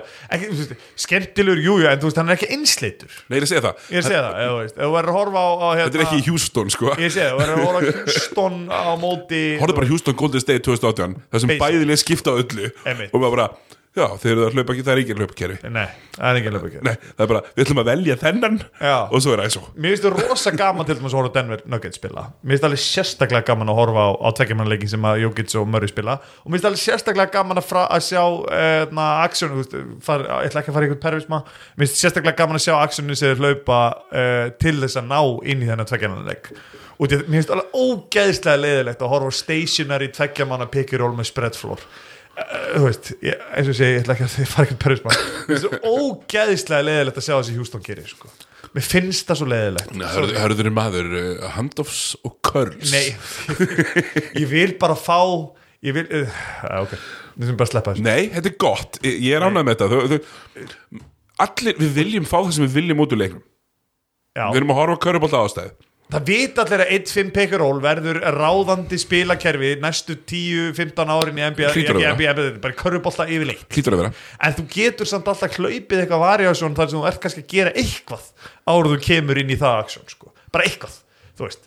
Og bara það til dæmis að og við erum ekki að byggja mikið sko. Nei, ég sé það, bara það til dæmis að Nuggets setji eitt stakker skrín, fáið Jamal Murray upp á toppinu og hlaupi, hlaupi pikaról þaðan, skilur bara svona simpelt dæmi, skilur uh, og það gerir mig Nei, meina, sjá- sjáðu bara sjáðu bara Houston. James Harden kemur, ef hann, ef hann, ef hann dreifla boltarum ekki upp þá er hann sko tíu metrum á eftir. Já, já. hann er ekki komin, hann var alltaf komin yfir miðju. Þegar, þú veist, Rössi Vestbrunga byrjar að gera eitthvað á kantinum, skilur En það er alltaf ósangjart að kalla Rockets á því að þeir náttúrulega hlaupa valla boltaskrín, sko. Þeir vilja ekki, Nei, nei, það bara 5 out, sko þeir eru engan áhugaði. Uh, en það skipta öll, öll, öllum nei, þú getur að spila 5 out sóknarleik og, og, og samt sett boltaskrín, sko. Það er hægt, sko. 100% sko. og jafnvel þú getur jafnvel sett off-ball screen sko. það hefur náttúrulega enginn gert í Houston síðan 2015 sko. Now you crazy. Herru, hérna við ætlum kannski að svona uh, fara yfir svona smá uh, verðluna dæmi því að hörðu var ekki búin að koma þér og tala um það. Við fengum uh, MVP kostningu um daginn. Það sem að Jannis vinnur hann fekk 85 uh, atkvæði í fyrsta sæti af 101 og Lebron James fekk 16 Lebron James var brjálæður alls Var, konar var Jannis ánæður? Er hann búin að segja það það? hann, hann, tók að mynda sér ykkur í flugvél. Ert að fucking ykkur grínast? enga flugvél, þú sást ekki þessa mynd? Jú, ég sett hann frekar vendræðileg mynd sko. Já, þú ert nýdottin út, taktur hann MVP farað hann í hóluna Eins og Dörknovitski árið 2007 þá fekk hann MVP-in og skrifa hann í hóluna Hvernig hann mitt í hug? Ég alveg tala. Skrítið sko. Hvernig, veist, þetta, þetta ég, ég skrifaði þetta, ég setti þetta á Twitter. Ég setti þetta, ég veist, mér langar svo mikið að halda með þessum gæja. Ímyndað er David Robinson búin að vera flengdur. Já, Ég nenni ekki að vera þessi gæi. nei, þetta er rétt Þetta er svolítið alveg satt, hann var já. flengdur. Já, hann flengdur, Og þú getur ég Nei, ekki bara á flengdur. halló, þú snerið á ökli leik fjögur. Ekki bara flengdur hérna, David Robinson var alltaf flengdur Já, Jannis Antetokounmpo var exposed. Já, já. David Robinson var ekki er- exposed. Unnuð er ekki leikinn sem hann sneri sig á ökla á? Jú, Það var eini leikur er er unninn. Einmitt. Þannig að þú varst 4-0 já, einmitt, og þú ætlar að mæti ykkur að fokkin engaflugil og montaði að unni MVP já. Það hinsins var- minnstu fyrirlu sko. ég er að segja það. En verðskuldur MVP Allan daginn, Já. en það skiptir ykkur fokkin máli. Nei, nei. Ekki því Nei, nei, nákvæmlega. Verðskuldar MVP Lebron James leit ekki þannig á hlutina. Hann var brjálæður Annað með það, Lebron hann á líka að kunna sig. Já, þetta eru regular season velin uh, Þetta er ekki þú, ert, þú ert 48 ára. Hættu að láta þetta hafa áhrif á þig. En kannski er það parturinn sem gerir Hann ógíslega góð Hann er ógíslega petty. Oh my god En er það parturinn sem gerir Lebron James svona styrlaðan Já, ok, Hann er, all, hann, það? hann er með, sko, hann er með eitthvað svona chip on his shoulder sem að allir aðri það er engin að gagglina Lebron James. Hann er eitthvað, hann er með hashtag Washed King hérna fyrir tímabilið. Bara eitthvað, já Lebron James uh, mögulega rankaði einhver nummer tvö. Það var, ekki að segja neitt var í Washed sko. Nei, ég elska menn, menn- menn finni sína motivasjón og allt það, ég er alveg all for it sko. en þú þarft ekki að, þarft ekki að veist, þetta er alltaf bara vandamál með, með kynnslóðina sem er dag, þú þarft ekki að deila með öllum. Veist, það er sama teik sem ég myndi setja á stelpuna sem voru upp á hótelherbygg með Foden og, þarf ekki að deila. gerir það sem fokkin viljið. Er ekki að dela þarft ekki að deila því maður. Nei, það er ég- engu höllu drullu sama. Það var ein, það var ein hérna það var ein sem var með hérna skemmtilegt á Twitter og var að segja hérna og var að tala um, hún var greinlega Emma eins og við og var að tala um að eitthvað svona partí, hvað er gaman og hvað var henni nú verið fínt að það hafi ekki verið upptökur af þessum hlutum. Og ég fór strax að hugsa um sko eitthvað svona stór partí í stóra húsinu Ytrivík allir 16 og 17 ára skilur með svona sundlögu úti skilur pældu í því að allir wow, síma en allavega sko ok, þetta fáum við þessa MVP kostningu sem að Jannis vinnur, fair og, fair og square. Hann er líka varðamæður hans, saman á því 100% já, er búið að velja það? já það er búið vel það, Hann- hann er varðamæður hans líka Anthony Davis nr. 2 hérna Luka Doncic er nummer fjögur í MVP sögulegt, tvítur sögulegt. Er, er þetta ekki bara erum við ekki bara að horfa á þú veist, við erum að horfa á uppstíðan sem Luka Doncic það minnir okkur rosalega á Lebron James um, ár tvö ár tvö er Lebron James að að skila svona tölum, hann er ekki að vinna svona mikið sko. Já, sko, ef þú myndir taka, ef þú myndir taka rauninni tölfræ, hlutfalslega upprisun hans tölfræðilega, já, algjörlega. Uh, Lúka er samt, sko, yngri að gera þessu hluti. Já, tvítu Lebron er 2004-05 með 27 uh, 7-7 Lúka er 29-8-9. Já. Já, ok, þú verður... í hraðari leik Ég, við verðum að taka, já, ég segi early 2000 er super slow Við getum ekki, já, þú veist, augljóslega, Sigurður, ég ætla alltaf að segja Sigurður, Jésús finnst það bara Vi, við, erum, við, við, við erum ekki að bera Taka saman. Við erum ekki að bera saman. Nei, við verðum að taka fram að LeBron James árið 2004, 2005 er augljóslega með herra síling heldur en Luka Aha. í dag. Og eh, hérna og ég, ég, ég ætla að lega mér að efast um það að Luka Doncic komist á þann stall sem að uh, LeBron James er á. En það sem ég er að segja og það sem mi- mitt tekið verið alltaf verið er að Luka Doncic er tilbúnasti tvítugi leikmaður 100 pjör, allara tíma. 100% Það er engin svona klár. Nei, en það þýðir ekki að þakið hans í herra Nei, nei, að munum það að LeBron James var bara ekkit sérstaklega mikið tilbúin Luka Doncic vann Euroleague sem besti leikmaðurinn átjánara Það er fáránlegt. Það er fáránlegt. og það að Sacramento Kings að vali Marvin Bagley Já, það er, það er ótrúlega sko. Hérna, við gefum Nei, ég ætla ekki að gefa Phoenix Suns neitt slakk hana heldur. Ekki neitt, uh, ekki Atlanta heldur Síðasti mólin er Næst síðasti mólin er að James Harden er hérna með þrjú í MVP-kostningunni sem gerir þetta fymta skipta á síðustu fimm árum þar sem að hann er top 3 hmm. James Harden það verður að viðkynna James Harden. Maður getur hugsað, maður getur fundist það sem maður vill um James Harden en ha- hann er með sustained excellence. Já, já, Þa, það er þannig, mitt Hann hann, er er með- 78-83 John Scarru akkurat. Þetta er bara, e, e, þú veist, hann er James Harden er búin að vera top 2-3 í MVP, bara alltaf síðustu fimm ár, eru búin að gefast upp á hann með nei ég er ekki búin að gefast upp á hann en það er ekki, en, en, en ég er búin að gefast upp á því að hann taki svona ákvæðanir vinnur hann titil?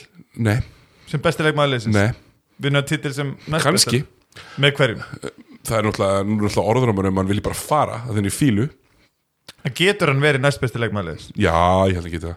Eða það, ég held að, með hans leikstíl? ég held að taki eitt ár sko en hvað er hann að gera sem næst besti Nei, ég er að segja þó, ég held að geta gett sem, sem hérna, þú getur verið með eitthvað sem er kannski betri en hann ég- og James Harden er samt mikið með boltan hann sem betur 40% og úsið þú þarf ekki alveg að vera með 40% úsistrist endilega held ég sko.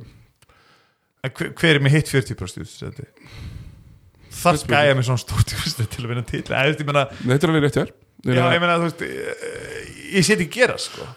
Nei, það það en, en, en það eina sem að, að stöðuvar James Harden frá því að vera besta second optioni eða besta first optioni í deildinni með kannski einhvern með sér er náttúrulega bara hvernig hann spilar og hvernig hugafærið hans var, varandi það er eða ekki?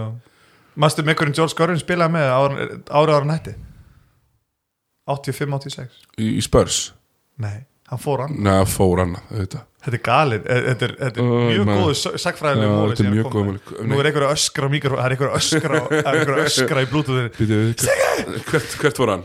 Ég hef sagt þér þetta áður held ég, Já, í þessu podcasti. já Hann spilaði með Michael Jordan. Hann spilaði með Michael Jordan, það er rétt George Scorvin. 85-86 í Yes, Bulls maður, þegar hann brýtur þessu löppina George Scorvin spilar 63 stæðar leikin á móti Boston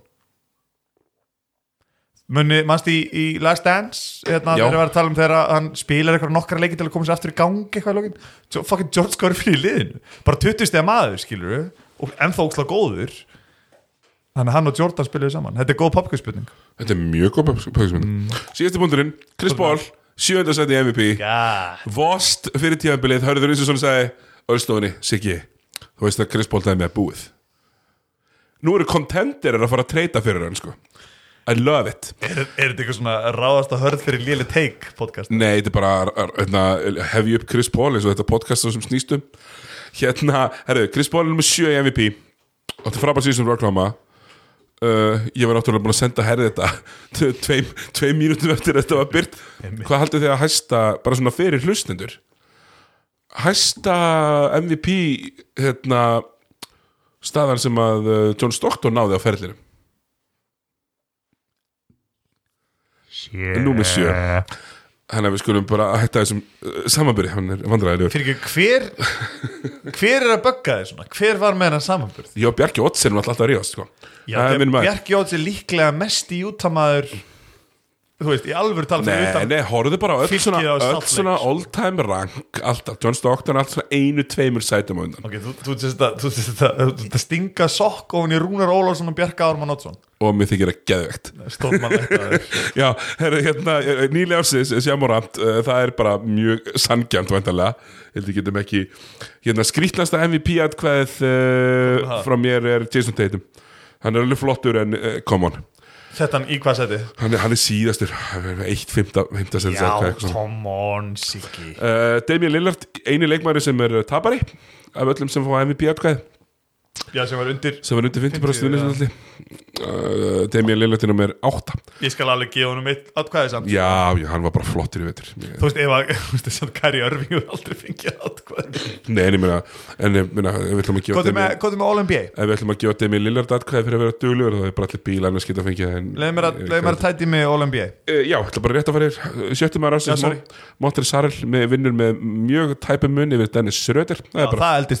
Það, er bara- mjög fínt. Dennis Schröder hefur ekki unnið þetta en Montre Sarel er vel að þessu komin Já, ég meina það eldist vel eftir búbluna, sko. Já, meina Schröder var frábæri í búlunni Harrell var í vesinni. En Montre Sarel það sem er besta við þetta og ég, bara svona svo ég komi því frá mér það besta sem gætt gerst fyrir mig er að Montre Sarel átti ógeðslega lélega búblu því að annars voru Pistons að fara maksan nú er þeir ekki að fara að gera það. Var, ekki- það, er mjög næs. Um, Most approved player sem eru uh, velum sem skipta ekki máli Brandon Ingram The Lou Williams Award. Brandon Ingram. Þannig að við ætlum að fara í All-NBA liðin. Uh, All-NBA first team er uh, Luka Harden hérna Lebron uh, Luka Harden, Lebron, Jannis og Anthony Davis í centernum Gaman, minnst mjög gott að þeir leifi AD Loksins lefðu þeir þetta samt. Þegar þeir eru búin að vera þetta af þóld ekki. En Þess vegna átt líka DeAndre Jordan tvö first team, sko. Vandræðilegt sko. Það sem er reyndar eitt í þessu sem að ég vil reyndar koma að það þetta hjálpaði með sumt. Þetta hjálpaði með að koma Anthony Davis í fyrsta liðið ég reyndar hefði viljað hafa Jokic í fyrsta liðinu. Mér finnst merkilega að vera first option heldur en second En option. Jókits var samt feitur og tímabili, sorry, Já, ég ok. veit að þetta er recency bias núna, hann var ekkert sérstaklega góður á regular season, sko. Ekki, ok, ekki sérstaklega sérstaklega Nei. Nei. Hérna, ég hef bítið, ég ætla að freka Nei, ekki að bjá bara ömurlegur Hérna, uh, second team. Getur, má ég starta á einu? Enn og aftur Luka Donsins yngsti. Uh, yngsti maður sem noktið mennur valinn í uh, första Olympi síðan Óskar Robinson Smekklegt, mm -hmm. ótrúlega gæi. Nei, ég meina, það, það, það, það má alveg tala meir um þetta sko. Maður getur ekki sagt meira um Luka Donsins þegar svo kemur hann í úslakeppninni og spilar eins og engill og hann er í undir öllum, allir pressunni. Besti leikmaður hann stettur uh, besti liðsfélagin hann stettur út. Bara ekki þessu skiptin einu máli. Ja, hann er bara fucking meiddur, sko. all in. Ég elska. Við erum á vagninum, við erum á vagninum við erum svo The sannlega Luka Wagon. Hérna Olimpíu second team Chris Paul Damian Lillard, Kava Leonard, Pascal Siakam og Nikola Jokic. Sko, Hey, býtu, það, var, það var einn ungur maður í liðinu mínu í Káaraðan sem að gaggarindi þig, nei fyrir ekki alltaf carry on. Nei, hvað er með? eh, Eh, Almar, hérna, sem er örgulega hlusta núna hann, flottur. að við, við sögðum oft nafnið Pascal Siakam hérna, vittlust Siakam Siakam. Siakam, Siakam. Ok. ekki Siakam Uh, skilur Siakam. Siakam eins og að vera jóðan á milli, fattur ég veit ekki hvort að Almar sé eitthvað hérna, alltaf... franskumælandi Nei, ég er náttúrulega franskumælandi ég er náttúrulega franskumælandi ég ætti náttúrulega að vera með þetta betra. En hvað er með aftur, maður hérna Pascal er eins og það er sagt eins og Blaise Pascal hérna, hérna fadir eh, þrýstingsmælinga. Sjakkan Siakam já, leis Hann segir að stundum höfum við sagt að Siakam eins og það er rosamikli íslendingar. Það er Já, en, en ég hef alltaf, þegar ég var að gæta sérstaklega, tók ég sérstaklega alltaf all, uh, mjög viljandi pólinn þann póli hæðina segja bara hluti geðvett skýrt. Um, svo kemur Olympia 30 og þá uh, ertu með eitthvað qualms með second lið alls ekki Hefur verið með einhvern, er eitthvað sem hefði átt að detta út? mögulega, svona, eftir á hekja en það er náttúrulega bara rísið sér bæðis ef ég teitum yfir Sjakam en þú veist ég, Ekki reikjulega síðan endilega Sjakam átti Sjakam átti alveg Yes. þetta, klálega, þetta er regular season award og það var skýrt tekið fram að þetta væri ekki búb, búblan væri ekki runni með í þessu þannig að hérna, ég hef í runni ekkert út á þetta setja. Uh, Þörð tím er uh, Ben Simmons, Russell Westbrook uh, Jimmy Butler, Jason Tatum, Rudy Gobert. Þarna er ég með Quam sko. Já, ég er með massíft Já, kvalm ég, meina, ég hef aldrei settur Russell Westbrook inn sko. Aldrei, en þarna kemur. Við vorum að rósa NBA fyrir að leifa, Ég veit. leifa mönnum að nota mismunandi stöður. Algjörlega. Chris Middleton fær miklu fleiri stig samtals heldur en Russell Westbrook. Er runni Ben Simmons settur sem Nei, Russell Westbrook Nei, Ben Simmons er guard ah, Russell Westbrook fær allt sitt í guard 56 stig. Butler forward já. Butlerford, 56 stig til Russell Westbrook. Chris Middleton fær 80 eitthvað stig en bara 40-40 í sekurum floknum og þar að leiðandi kemst hann ekki. Að því Chris Middleton með sísoni sitt að það átti að vera fyrir yfir Russell Westbrook, mér sama ástæð fyrir Anthony Davis er í first team er sama ástæð fyrir að sko. Chris Middleton er ekki í third team nákvæmlega, það er eitt leikmæður með taprekord í öllum þrejum olimpíulegunum, það er Lillard. Demi Lillard ég skal alveg gútira það um, eina svona stóra snöppið sem að fyrir utan Chris Middleton sem var mikið talað um var Bartley Bíl en minna Washington var að vinna 20 eitthvað leiki sko, þú veist, það er bara hann og Trey Young so sorry strákar sko. uh, hvað er þú þarna hörður? Hérna, finnst þér menn fyrir að vinna svolítið til þess að fá að vera í þessum lið?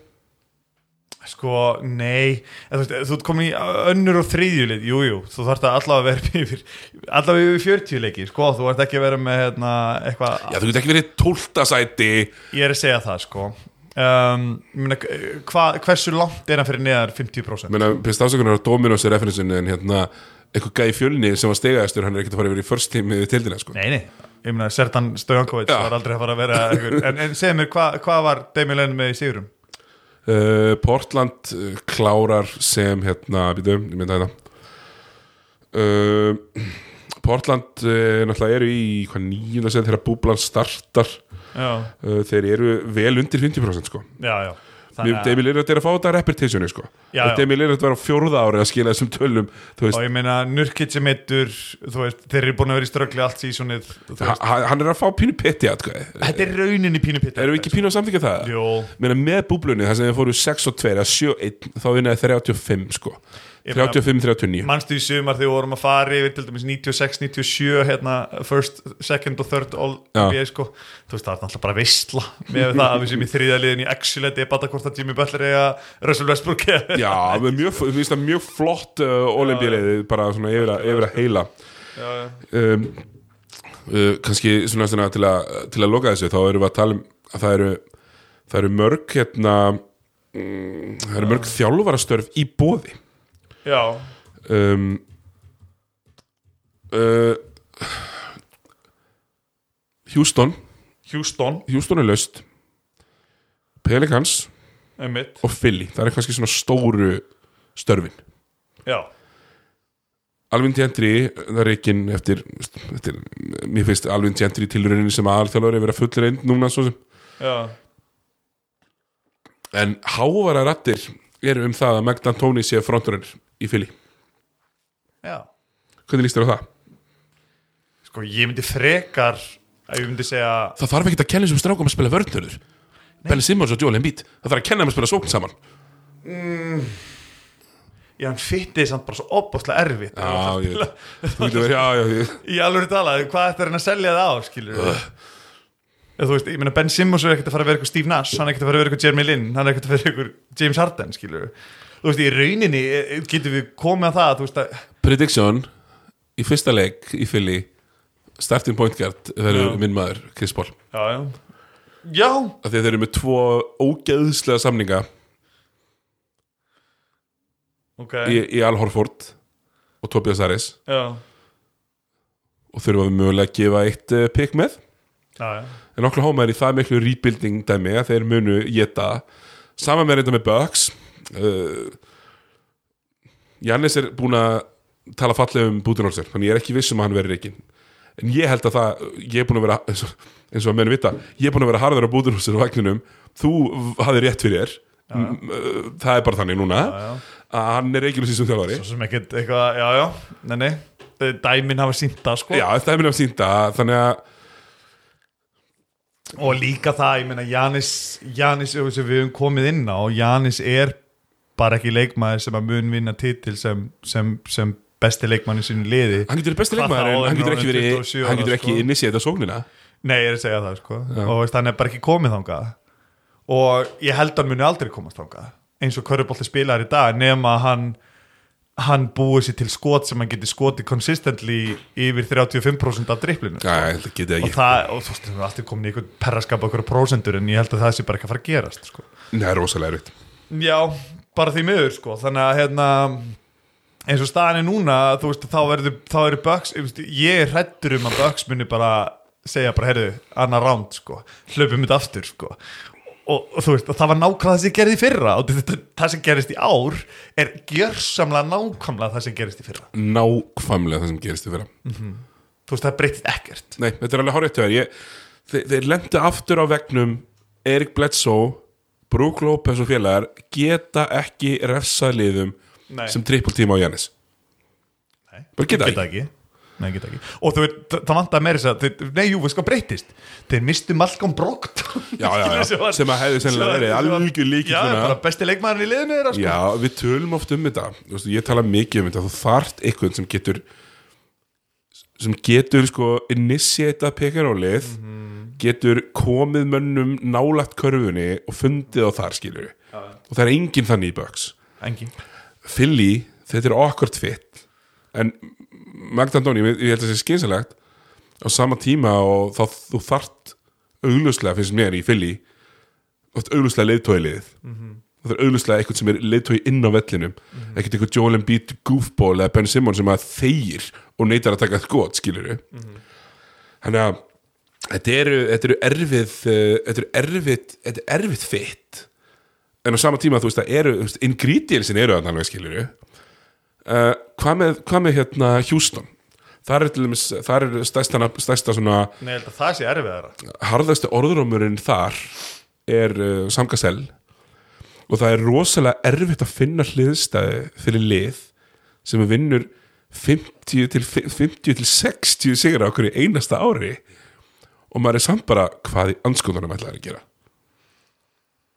Já, og líka það þeir eru fastir á Russell Westbrook næstu þrjú ára sko. Já, hann Harden Westbrook er báðið þrjú ár Rössi Westbrook er verið með sko 50 miljónar ári eftir, þrjú, eftir tvö ár sko En við, við, meina, við tölum um þetta daginn veist, að, það, veist, þeir, þeir eina von er rauninni bara, þú veist, double down sko. það er rauninni bara að fara harðar inn í, í þetta prósess sem þeir eru búin að vera í núna síðustu ár að, að ná bara í, í, í rauninni veist, þessar skiptanlegu leikmenn sem geta skotið þykkistaskotum sko. Það verð, fyrir, fyrir mér verður James Harden að fá uh, lopþrætt þú- þú- ok, fyrirgjöðu Konti með betra lopphrit en, en frenda en kapella, skilur við ok, þeir kostu hún í burtu fyrir korteri síðan sko. Að- dæmi. fara aftur tilbaki það Æ, nákvæmlega, Siggi. þeir eru í vandræðum Daryl Morey er búin að reikna yfir sig já, já, já, já, já. Það, er- það teik en það sem ég segja, þangað sem þeir eru komnir núna burtu frá Capella Loberanu, burtu frá Chris Paul Þeir að komnir í Russell. Westbrook, þeir komið Robert Covington. Bara five out maskinu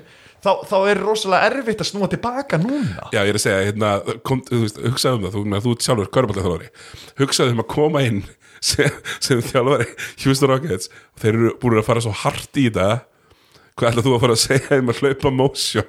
Meina, sá sem tekur við verður að- hann að kaupa þetta. Veist, er ekkit, þetta er ekkit flókið. Veist, hann, nei. þetta er bara þetta er, þetta er filosofía sem hann verður annarkvort að kaupa inn í eða ekki að taka jobbinu. Það er bara þannig, ég meina, þeir verða að sam, segja við Sam Cassell, Sam Cassell minn þú veist, gjör svo, vel. Þið eruð að fara að vera með defensive rebounding rating undir 30% þið eruð að fara að skjóta 40-30 skotum í leik og þeir eru að fara að 50. skipta á þetta skrínum þetta er bara það sem þeir eru að fara að gera þannig að hérna, annað. tekur þessi jobbið ekki. Það er ekkert, það er ekkert í bóði að fara, heyrðu, núna ætlum við að fara hérna, við ætlum að fara að breyta leikstíl hérna, Houston Rockets, það er ekkert í bóði nei, nei. Því miður. En uh, við erum alveg þarna, þú veist, hérna, uh, uh, Houston eru í pínu vandræðum þarna, af því að þeir verðast vera um pínu hard ceiling, akkurat núna.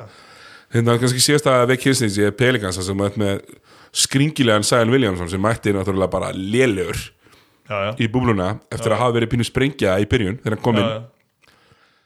uh, þeir eru náttúrulega með þetta hól af allt í lægi leikmönnum pluss kannski Brandon Ingram sem er alveg alveg góður mm.